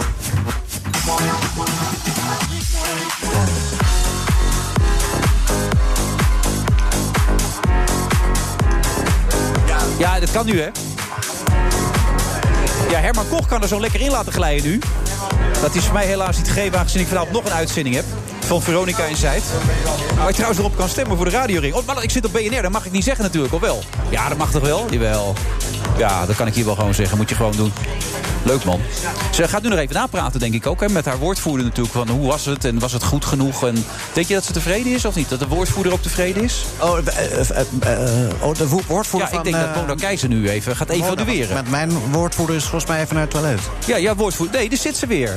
Wat zit er haar goed, hè? Ja, ja, Ja. Ja. Maar denk je dat de woordvoerder tevreden is? Of dat hij zegt van dit had er nog even in gemoeten? Of dat had er nog even in gemoeten? Ik, ik zou een on- ontevreden woordvoerder in dit geval meteen eruit gooien. Je vertelt een aardige anekdote trouwens. Ik ga gewoon door, hè. In- In je boek over het feit dat je voor het eerst naar Amerika gaat. Je bent 15 volgens mij. Eh, Je vliegt naar Amerika en je ziet dat het vliegtuig gerepareerd moet worden. Ja, klopt. En dat duurt ook wel even, toch? Dat is ook mijn eerste eh, luchtvaartervaring. Ja. Was het ook meteen. Maar je vond het leuk ook wat er gebeurde, toch? Ja, want het, je bent, als je dan eh, eh, 15 bent, dan vind je alles zo spannend met een vliegtuig. Ja. Dus ik heb ook nooit gedacht, eh, zoals ik op deze leeftijd zou ik denken van... ik neem de volgende vlucht. Ja, Ze gingen met een motor aan het werk, toch? Op Ja, van de ze waren ze onder Ja. die vleugel Ja. waren ze bezig. En ook heel erg lang. Ja, een paar uren. Je ouders zaten te wachten. Die zaten naar jou te kijken. Je hoopte dat ze weg zouden gaan. Maar ja, ze wilden toch die jongen van 15 Ja. zien vertrekken. Precies, maar er zat bij mij dus geen angst op dat moment Nee. bij. Alleen maar spanning. En toen werd tijdens de vlucht werd aangekondigd... dat we niet direct naar New York zouden gaan... Ja. eh, maar een noodlanding op Newfoundland Maar niet noodlanding maken. werd er gezegd, toch? Het werd een ander woord Ja, voor gebruikt. voorzorgs. Voorzorgslanding. Dat is altijd dat is het eufemistische woord voor... Nou ja, Ja, naast je zit trouwens Kelly Otte, dat is gezagvoerder van een Boeing 737. Als ze zeggen een voorzorgslanding, Kelly, eh, sorry, eh, Kelly, wat zeggen ze dan?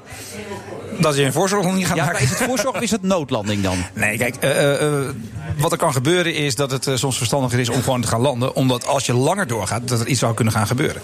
Dan noemen we het een voorzorgslanding. Dus van, in het geval dat er iets zou kunnen gaan gebeuren, gaan we nu eerst gewoon Ja, het feit dat ze al twee uur aan een, aan een motor hebben zitten sleutelen op, op Schiphol. Ja, het is mij niet helemaal duidelijk wat er natuurlijk is gebeurd. Ik was er niet bij. Nee, maar dat is waar. eh, eh, wat er kan gebeuren is dat er eh, iets eh, eh, is gemaakt. Eh, uiteindelijk eh, is er opgestegen.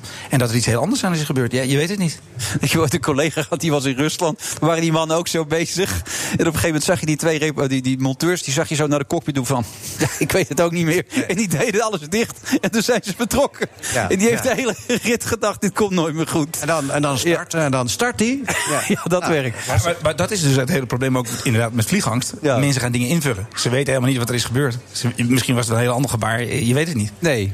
Nee, dat is waar inderdaad. Maar jij hebt toen geen angst gevoeld. Nu zou je in diezelfde situatie toch zeggen: ik stap uit. Ja, ik heb, ook, ik, ik heb niet echt zo'n verlammende vliegangst. Maar ik ben ook niet 100% relaxed. Laat ik het zo zeggen, bij, bij, elk, bij welke vlucht dan ook. Nee. En eh, er is hier nu net, eh, dat is voor de, de kijkers thuis niet helemaal goed te zien, eh, een biertje op tafel gekomen. Lekker, maar als ik ga vliegen, waar dan ook heen, ook al is het korte afstand, ook al is het tien uur s ochtends, ik moet altijd even ergens, liefst bij tijds aankomen dan op Schiphol. Of op de andere luchthaven van Sevilla Barcelona, waar ik dan ook ben. En daar moet dan even wat genomen En waar praten we over dan? 1, 2, 3? Waar hebben we het over? Nee, heel voorzichtig. Want het is, het is ook het gevaar is als je te veel neemt, dan, dan is die naheffing is dan weer niet goed. Dan word je, het ergste wat je ook kan overkomen, is ook een goede vriend van mij een keer overkomen, die dacht: ik neem toch maar twee halve liters. Ja. En daarna, na het legen van de tweede halve liter, werd er omgeroepen dat het toestel drie uur vertraging had. En dan zit je dus met je timing voor de hele vlucht en de rest van de dag dus helemaal verkeerd. Dat gaat nooit meer goed. Nee, want hoe deel je het dan in? Hoe moet je dan? En dan moet je het eerst laten uitwerken en dan weer opnieuw. Dat werkt gewoon niet. Misschien sowieso even naar de wc gaan. Ja. Ja, Nee, maar dat Kenny is een beetje jouw specialiteit aan het worden. Jij gaat het Vliegangstfestival organiseren op 2 februari. Dat klopt. Dit is, is dit een van de methodes om, om jezelf een beetje toch zelfvertrouwen te Nou, zou- geven? Nee, het is niet hetgeen wat ik zou aanraden. Ik zou juist het omgekeerde aanraden. Maar eh, ik snap wel dat mensen het doen. Eh, eh, een oxyzopammetje, alcohol. Het zijn graag eh, gewilde dingen om, om de angst te onderdrukken. Maar daar zijn veel betere methodes voor. Zoals? Ja, jouw methode natuurlijk, maar... Natuurlijk, maar ja, gewoon ook heel simpelweg. Als je al een beetje in staat bent om ademhalingsoefeningen te doen... spierspanning onder controle te krijgen, dan, dan kom je al wat verder. Maar wat het meest belangrijk is, is eigenlijk... ga je kennis zo een beetje verhogen van wat gebeurt er nou eigenlijk om je heen? Wat, wat zie je nou gebeuren? Wat voel je? Wat ruik je? Wat zie je? Wat hoor je? Als je dat weet, dan gaat je fantasie dat niet invullen. Want net hier het mooie voorbeeld van eh, die, die monteur die eh, zijn arm omhoog stak en zei... of niks zei, maar eh, jij ziet dat gebeuren... Ja. En, en jij denkt, ja, hij weet gewoon niet wat er aan de hand is en we gaan toch vliegen. Ja. Dat is jouw invulling. Wat er daadwerkelijk aan de hand is, dat weet je simpelweg niet. Dus ja. Maar wat zou het anders kunnen zijn? Wat zou er bijvoorbeeld als gebaar dan met dit gebaar met die handen in de lucht nog meer kunnen zijn? Nou, bijvoorbeeld eh, dat, dat eh, zijn collega eh, zijn stropdas eh, ergens tussen heeft gehad. En van, joh, wat een sukkel. Kijk hem nou. Ja, ik, ik roep dit maar is wel iets. een hele lastige. Ik, Nou, ik probeer nee. de schrijver eentje te laten verzinnen. Die heeft misschien een leukere.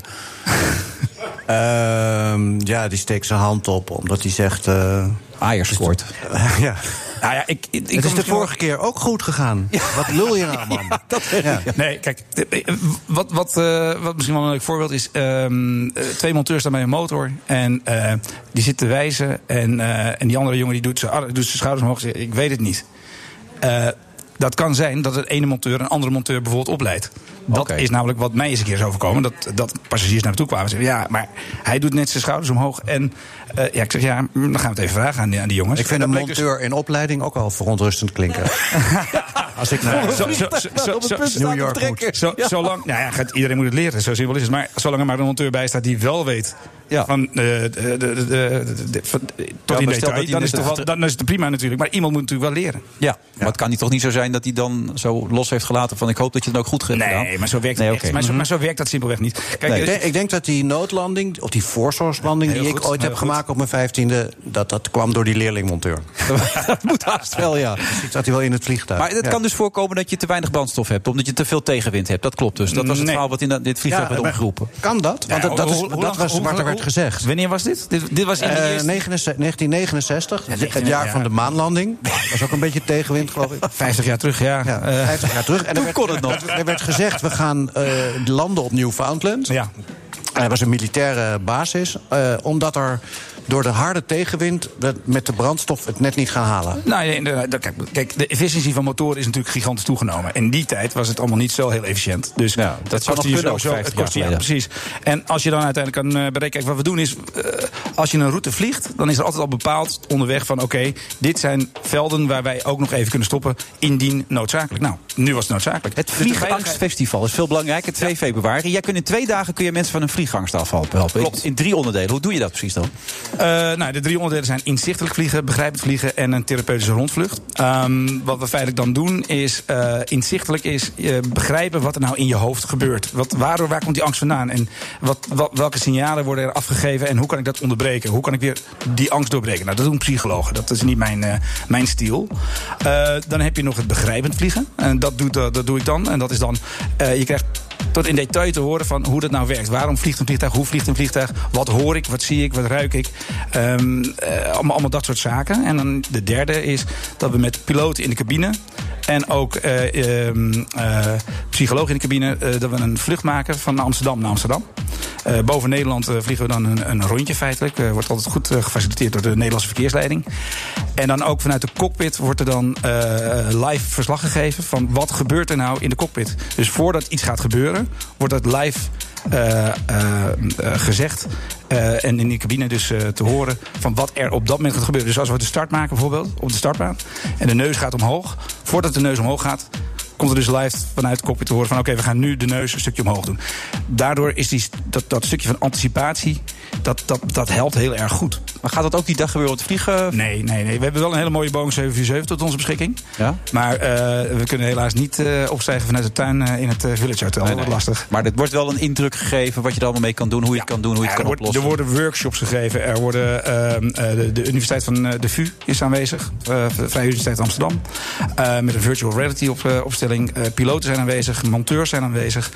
Ehm, we gaan workshops ge- geven. Eh, we gaan dus eh, eh, rond de 747 kunnen heen lopen, maar ook erin. En dan gaan we uitleggen wat het allemaal is. En wat je dus ook allemaal eh, kan meemaken tijdens een vlucht. En we kunnen dus ook eh, mensen één op één gaan uitleggen wat eh, ja, de vragen die zij hebben, kunnen wij gaan beantwoorden. Oké, nou voor al die mensen die er last hebben, een hele leuke dag. Eén dan ding nog, het, het succespercentage van jouw methode? 98 procent. 98 procent? Ja, ja. En Dennis Bergkamp is die al geweest? Ja, kijk, het, het, het, het, het- die wil die ook stellen. de, de Ber- Dennis Bergkamp wordt altijd genoemd. Kijk, eh, van 1 op de 3 Nederlanders heeft last van vliegangst. Maar van, één, van, van die 1 op de 3, dus weer 1 op de 3, eh, zegt gewoon... Ik ga helemaal niks doen. Ik doe helemaal niks. Ik vertik het. Ik ga niet naar een cursus. Ik doe helemaal niks meer. Maar twee daarvan die gaan dus wel naar een cursus. En daarvan is 98 procent. Eén van die drie is altijd Dennis Bergkamp. Ja, dat is, eigenlijk is die ene Dennis Bergkamp. Dat is de conclusie. Kelly Otte, bedankt. Ik ben heel Graag benieuwd. gedaan. Groetjes. BNR Nieuwsradio. The Friday Move. Het rapport wijst letterlijk aan de hoofdverantwoordelijkheid ligt bij Boeing. I wouldn't say it. I wouldn't talk about it. Wilfred Gené. Ja, ja, ja, ja. Het is zo'n uitzending met eh ubertalenten. Is voor jou? Ja, die is, is voor jou geweest, denk ik, eh, Herman. Ja, ik zeg net, het is een uitzending vol met ubertalenten. We hadden zo straks de Uber-atlete eh, Inge de Bruin. Eh, we hebben ook de Uber-staatssecretaris juist al gehad met Mona. We hebben natuurlijk de, de buitencategorie schrijver aan tafel zitten, Herman Koch. En ook de meesterinterviewer van Nederland, Frank van der Linden. Het zijn louter kanjers vandaag, Herman. Ja, en die dan ook. Dan moet je, moet je ook wel mensen hebben die over zichzelf dat ook ja. zeggen. Het is altijd stom als een ander het over je zegt. Ja, dus Frank, ben jij meesterinterviewer? Thuis vinden ze dat meevallen. Ja, nee, dat is de vraag niet. Vind je het zelf? Nee, het is een eh, ja, vreemde maatstaf. Die, eh, die, die bestaat niet. Welk meetlint moet je eh, gebruiken? Kijk, bij de 100 meter hardlopen kun je vaststellen... doet de ene harder dan de ander. Maar hoe meet je dat in godsnaam als het om interviewen gaat? Ja, maar ook, ook mensen als Paul Witteman hebben wel eens gezegd... dit is de boeken die je hebt gemaakt... een soort voorbeeld van hoe geïnterviewd moet worden enzovoort. En er zijn genoeg mensen die de loftrompet hebben afgestoken. Maar op een gegeven moment ga je ook naar jezelf kijken. Zelfreflectie. En dan zeg je van jezelf... Ehm, een complete interviewer. Ik ken, ik ken niet heel veel collega's die en schrijven en radio doen en tv, die ook documentaires maken. Dus ik denk niet dat ik per se een betere interviewer ben in de technische of inhoudelijke zin, maar misschien heel breed. Maar als, als breed interviewer uh, buiten categorie? Ik hoop het, denk ja. Maar dat kun je niet zelf zeggen, begrijp ik. Ik denk het wel. Oké, okay, nou, dan zijn we eruit. Toch? Dan zijn we er toch? Dat is de bedoeling van dit Dat is eigenlijk het idee dat iedereen, uh, iedere gast tot nu toe... Ja, ja. jij komt pas net binnen, dat toch ja. zichzelf tot de buitencategorie rekent. Ja, ja, ja het is niet gering. Had je even tijd voor nodig, maar we zijn er. Maar daar, daarvoor ben je hier trouwens niet eigenlijk. En je bent voor heel iets anders. Jouw enorme passie voor, voor China eigenlijk, toch? Dat is het hem. Ja, Ooit ingegeven door Kuifje, toch?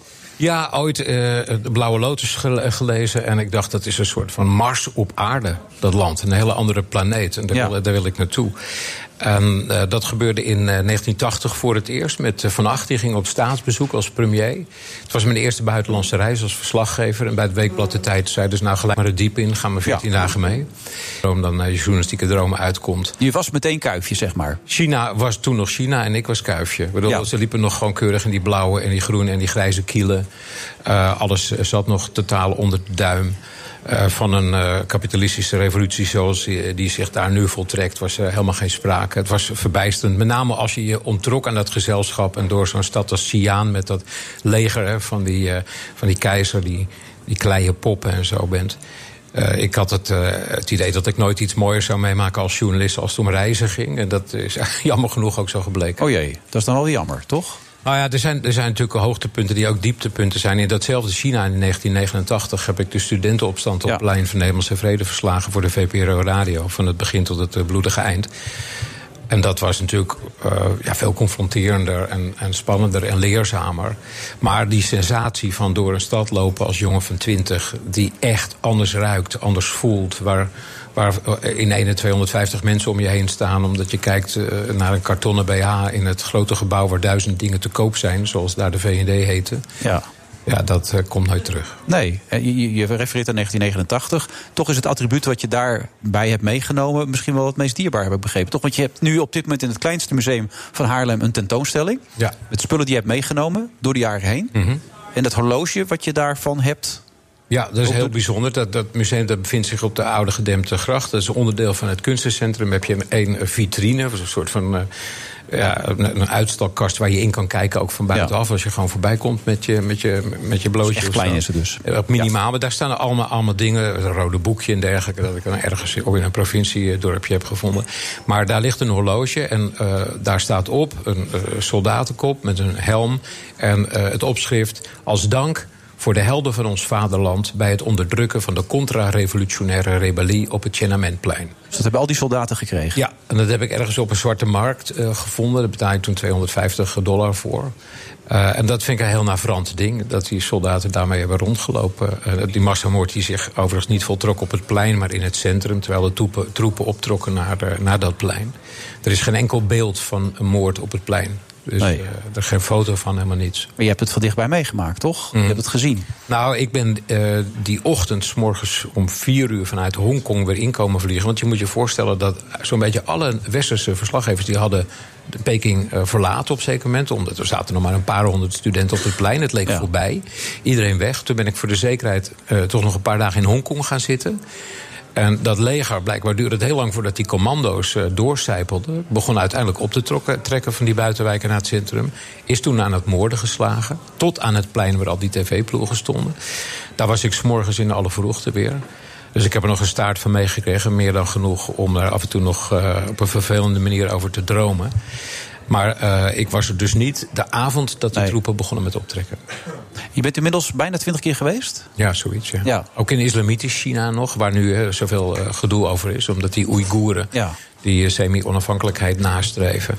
En die volgens Peking uh, eigenlijk de belangrijkste hoeveelheid terreur uh, veroorzaken in het land. Ja, die, die zitten daar bij honderdduizenden in kampen. Amnesty maakt daar uh, heel veel stennis over terecht, de Verenigde Naties. Uh, maar wij uh, zijn natuurlijk allemaal vervuld van de droom dat wij 1,4 miljard tandenborstels uh, aan dat land verkopen. En doen er net iets minder moeilijk over. Ja, want zo belangrijk is dat dan ook weer, hè? Ah ja, handel. momenten. Ja. ja. ja. Ja, Mona Keizer was hier net natuurlijk. Die was heel blij met alles wat we aan het doen zijn. Met, met de oranjes overal. Maar sommige momenten moet je dat niet willen, zeg jij. Nou ja, goed, de dominee en de koopman. Het is alle oude dilemma uh, natuurlijk. En uh, je, je, kan wel heel principieel doen. Maar uh, dan worden die tandenborstels verkocht door Duitsland. Ja. Of de Laos of Bolivia. Maar een, een ander. Ik denk dat, dat er een tussenweg is. Dat je, dat je vooral langs culturele kanalen invloed kunt proberen uit te oefenen. Maar dat je niet moet verwachten dat ons besluit om geweren niet te leveren of uh, te stoppen met het staken van uh, of te staken met het importeren van Chinese noedels of zo, dat ze daar erg ongerust over zijn. Nee, dat denk ik ook niet. Word je al gelezen in China eigenlijk, Herman? Ja, inderdaad. Het zijn ook er zijn een paar boeken. Het zijn er nu geloof ik drie vanaf het diner. Die zijn ja. zowel in uh, vasteland uh, China als vertaald in Taiwan. Dus het is dan net weer een andere. Passen ze dat ook aan? Want er zijn films uit Amerika die worden ook aangepast. Er worden scènes uitgehaald enzovoort. Ja. Is dat met jouw boek ook het geval? Ik heb een uh, Chinese uh, schoonzuster. En die heb ik gevraagd om dat boek te checken. Leuk. heb je echt een Chinese schoonzuster? Ja. Zit je nou? Ja? Nee, om vanwege het verdienen en, en het, de fantasie. Ja, maar... je weet het nooit met nee. hem. Ja. nou ja, het is een beetje aangedikt. Ja, dit. ja. Maar... je hebt een schoonzuster, dat ja, heb je. ik heb een schoonzuster. Okay. Ik, heb een, ik heb een uh, broer. Maar dat is eigenlijk een half broer. Dus dan kun je zeggen, dan is het ook een half schoonzus. Maar dat vind ik zo flauw. We noemen elkaar gewoon broer. Er stond vorige week, eer vorige week, daar wil ik vanaf zijn, een stuk in de Volkskrant van een collega-schrijver eh, van Herman. Die ook vertaald was in China. En eh, die tot zijn schrikken later pas hoorde dat er eh, moslims waren verdwenen uit dat boek. Ja, ook een aantal seksscènes. En daar was weer heel veel kritiek van andere schrijvers op hem. Zal zijn naam verder niet noemen, doet er niet veel toe. Het gaat om de illustratie. Die zeiden, joh, doe nou niet zo naïef. Dat had je dan toch van tevoren even moeten laten controleren. Laat je hem niet gebruiken als uithangbord. Nee, zo. Maar ik ben, ook, ik ben ook niet naïef, dus ik schrijf überhaupt niet over eh, moslims. en ook geen seks Nee, totaal niet. Beetje geweld, dat kan wel, toch, in zo'n boek? Ja, nee, maar, het, maar ik, ik heb de indruk dat het niet gecensureerd is. Dat die boeken niet gecensureerd Het leek mij, toen ik het zag, heel dun. Maar er is mij uitgelegd dat het, dat, dat... Een karakter kan een verhaal zijn. Wat bedoel ik? Bijvoorbeeld het, Chinese, ja, het Chinese teken voor crisis is ook hetzelfde teken als het teken voor groei. En eh, wij hebben die allemaal, allemaal die ervaring, denk ik wel. Als je Ja. door een crisis gaat, dat je niet per definitie slechter uit. Voor de duidelijkheid, je hoeft dat museum dus niet in. Je kan er gewoon langslopen, je kan Ja, even kijken naar, naar die attributen. eh, ja, ja. waarbij dat horloge het belangrijkste is. Is China nog steeds jouw China? Is het nog steeds jouw Nee, land? Of? ik ben afgekikt. Het is klaar. Eh, nou ja, ik ben altijd enorm geïnteresseerd in breuklijnen. Bijvoorbeeld steden als Tanger of Istanbul... die op breuklijnen van culturen liggen bijvoorbeeld. Ja. En, en China was in de fase dat ik er naartoe ging... aan het breken met het oude communisme. Eh, het begon eigenlijk over te stappen naar... eh, wat dan nu een rauw kapitalistisch cowboy-systeem is, feitelijk. Dat vond ik heel spannend. En nu is het heel erg een financieel-technisch verhaal geworden. Hè, met de handelsoorlog met de Verenigde Staten en zo. Daar ligt om, in alle eerlijkheid mijn expertise niet echt. Nee.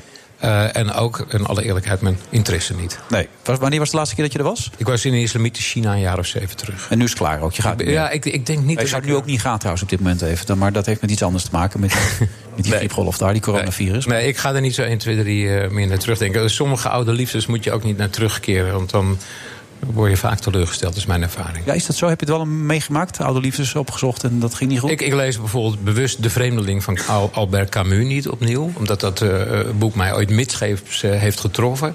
En ik zou gewoon niet willen vaststellen bij herlezing dat het toch een beetje tegenvalt. Ik koester de herinnering aan die fantastische roman die mijn leven heeft beïnvloed. En Die... Nee, het valt niet tegen. Ik moet zeggen dat ik, ik, heb, ik ken dat probleem. En ik heb, ik heb bijvoorbeeld dit boek, De Vreemdeling, wel herlezen. Oh, nou, drie jaar geleden. En Stelt me gerust. is gewoon goed. Dank je Blijft wel. goed. Maar ik moet er vandoor. Ja, je moet de trein halen, hè, want ja. je moet een eh, film gaan kijken zometeen. Goed Zo dat je er het. was. Oké, Voor de mensen die er langs willen lopen, Herman. gewoon even in Haarlem kijken naar het kleinste museum. Oude gedempte graag. Toedeledokie. Dankjewel, Frank. Succes met alles. Trouwens, even grappig. Die, die, die Chinese schoonzus, bestaat die nou echt of niet? Dat is altijd lastig. Dat zei Frank ook al. En dat is ook wie jij bent. Je houdt van die, van die fantasie, toch? Ook om mensen te kunnen laten geloven dat iets waar is. Ja, maar waarom zou nou juist een Chinese schoonzus een fantasie zijn? Dat is het ook weer. Waarom, Ja, zou, je, dat- dat is waarom zou je dat doen? Nee, dat, dat is waarom waar. Die verzinnen? Nee, maar goed, ik bedoel, als ik in verhalen lees dat jij zelfs in een winkel de indruk wekt dat je iets aan het stelen bent, alleen maar om die indruk te willen wekken, zodat mensen jou aanspreken om te zeggen van, bent u soms niet, dat ze in je tas gaan kijken, dat je dat leuk vindt. Dat vind ik leuk, ja. Ja. Ja. Waarom zou je dat dan doen? Ja, ik weet niet dat, doe ik niet, dat doe ik niet elke dag. Maar Maar wat geeft dat voor gevoel? Wat is dat voor gevoel om mensen iets te laten denken, waardoor jij een ja, soort macht eigenlijk ook over de situatie hebt? Ja, nou, je, je, krijgt er een, een kick van om een lichte misleiding of een soort ander gedrag te vertonen. Waarbij eh, mensen kunnen denken: hij is misschien wel dit of dat aan het doen. En eh, ja, wat, wat daar leuk aan is, kijk, je kan ook echt iets uit een winkel stelen. En dan eh, word je betrapt en dan staat er in de kleine berichten straks op nu.nl.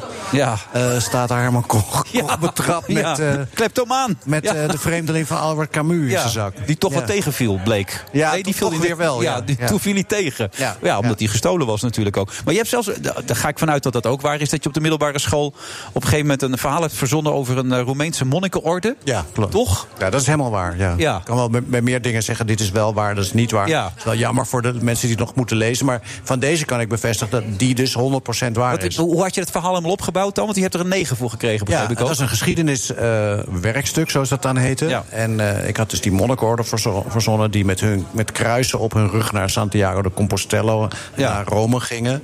En met allemaal bronnen. En dit was de tijd ver voor Google. Ja. En wat er allemaal... Er kon niks gecheckt worden. Nee. Dus ook al die... al die er was ik aan de literatuurlijst van elf boeken. Dat waren allemaal met, weet je, Anthony Hunter... The Sacrilege of Ja. Shame, weet je wel? Allemaal verzonnen gewoon. Alles, alle titels, alle schrijvers waren allemaal verzonnen. En Ja. er was geen geschiedenisleraar die eraan durfde te twijfelen. En ik heb later, omdat het een 9 had, heb ik dit werkstuk ook aan andere eh, leerlingen gegeven. En die het dan weer hebben ingeleerd. Ook bij andere scholen, begreep ik? Ja, bij andere scholen. Je Ja. kon het natuurlijk niet Nee. bij dezelfde leer Nee, nee, dat leraar snap ja. inleveren. Dus op andere scholen. En het heeft altijd wel tussen een 8 en een, een 9,5 gehaald. Maar dit, dat is echt ook jammer bijna. Dat, dat, dat kan gewoon nu niet meer. En dit is, alles wordt gecheckt. En eh, ja, ik, ik, voor het eerst merkte ik toen... als je maar het heel, als je iets presenteert als helemaal echt en geloofwaardig... dan, dan geloven mensen het. Je kan ze heel veel laten geloven als je het maar zo... als je het presenteert als hier is... Alleen al door die literatuurlijst die ik eronder had gezet... die was redelijk lang. Ja. Dan gaat de geschiedenisleraar denken... nou, die, die is wel echt, echt aan het werk geweest. Ja. Een van mijn... eh, Dit moet wel goed zijn. bri- briljante Uber, Uberleerlingen. Terwijl je dat normaal gesproken niet was, begreep ik. Nee. Uit een van de verhalen die ik eruit opgemaakt Nee, klopt. heb. Ja. Nee, niet hè? echt. Nee. Die klootzak van de rector die je nu even terug hebt gepakt. Dus voor je toch, hè? Ja. Dat je boek nu, die heeft nu even... Leeft hij nog waarschijnlijk niet meer? Ik denk het niet, nee, Dat denk ik niet. Die was toen al oud natuurlijk. Ja, dat was al oud. Dus de wraak is eigenlijk te laat, hè? Want je, je laat. wraak op in dit, in, een, op een- in dit boek. vroeg of laat, jawel. Vroeg zeg- of laat. Ja, zwaar. Ik Ja. zeg wel van vroeg of laat komt hij in een boek terecht. Ja. Maar het is wel zo toen ik Red als Maria Montanelli uitbrak, uitbrak, zeg ik, uitbracht. ehm, dat was in 89. En dat is een beetje een, eh, een hoe noem het, een zusterboek van Ja. dit boek. Omdat het ook over Montessori school en eh, leraren gaat. En toen heb ik wel alle namen van de leraren zo gelaten. Hun eigen achternamen. Maar alleen de vakken veranderd. Want Hmm. Dan kunnen ze me juridisch niet iets Nee, maken. maar het was wel een wraak. Herman Koch, Finse Dagen. eh, Je beste en je belangrijkste boek tot nu toe. Jazeker. Je bent klaar. Oké, dankjewel. Ja? Nee, maar ben je ook klaar met schrijven? Oh, dat. Ik dacht dat ik hier klaar Ja, hier ben je ook klaar. Ja. Oké. Ja. Ben ik klaar met schrijven? Nee, nee, nee. Ik ben alweer ver met de volgende. En dat is veruit het belangrijkste en beste boek wat je gemaakt hebt, waarschijnlijk, wat nu gaat komen. Eh, nee, dit wordt, dit wordt echt minder. Oké. Dankjewel, Herman. Goed dat je er was. En wie weet tot de volgende keer. Je. Volgende week zijn wij er ook weer. Well, the first thing I really want to state is that um, these allegations are false. So, um, De onderzoeksraad gaat er om te achterhalen wat er precies gebeurd is eigenlijk. Ja, die, die, die moet van onbesproken gedrag zijn. I wouldn't say it, I wouldn't talk about it. Het rapport wijst letterlijk aan de hoofdverantwoordelijkheid ligt bij Boeing. Voor hen zijn eigenlijk de advocatentarieven te duur, te hoog. Dit was enerzijds een technisch eh, mankement, absoluut. Ik dacht eigenlijk helemaal niks. Ik las het als een gewoon nieuwsfeit. This is not a time for pessimism. Alles gaat prima. Voor mij alles gaat prima. Maar voor de rest sta ik ook gewoon in mijn onderbroek en mijn t-shirtje, ja. First U.S. case of that coronavirus. Ik zou er graag een antwoord op willen hebben. Want het lijkt erop dat het alleen hier gebeurt. Het macrobeeld, eh, dat schatten wij zeker op langere termijn niet al, al te zonder in. Nou, dat staat daar. Er staat klimaat niet bij. Simpel. Dat is gewoon juridisch. Het zijn allemaal vragen die we ons ook stellen natuurlijk. En waardoor dat we heel alert moeten zijn. En ik kan er niet bij. Je ziet dat het systeem spaak loopt en dan moet het Rijk moet opstaan. Er is hier en daar nog een convenience store open en een enkele supermarkt, maar alles is gewoon gesloten. Eh, de rode lijn is dat wij eh, fundamenteel moeten nadenken over de arbeidsmarkt in de toekomst. En dat is natuurlijk eigenlijk, als je zegt iedereen moet meer zekerheid krijgen, krankjorum idee. Nou, doe maar open, jongens. En dat zorgt ervoor dat kleine ondernemers, maar ook grotere bedrijven, terughoudend zijn om mensen aan te nemen. I wouldn't say it, I wouldn't talk about it. En ik kan er niet bij. De discussies worden steeds beheerst door die onderkant. This is not a time for pessimism. Dat is natuurlijk eigenlijk, als je zegt iedereen moet meer zekerheid krijgen, krankjorum idee. Ik ben niet zo van soul jongens. Zorg dat het op orde is. The Friday Move wordt mede mogelijk gemaakt door TUI. Discover your smile. Eet jij elke woensdag lasagne omdat het zo lekker makkelijk is? Dan is Eneco Dynamisch niks voor jou. Maar kook jij het liefst elke keer wat anders met het risico dat ze zeggen... Ja, dag, dat gaan we echt niet eten. Dan is Eneco Dynamisch misschien wel iets voor jou. Doe de test op eneco.nl slash test om te ontdekken of een dynamisch energiecontract bij jou past. Mensen helpen een bewuste keuze te maken. We doen het nu. Eneco.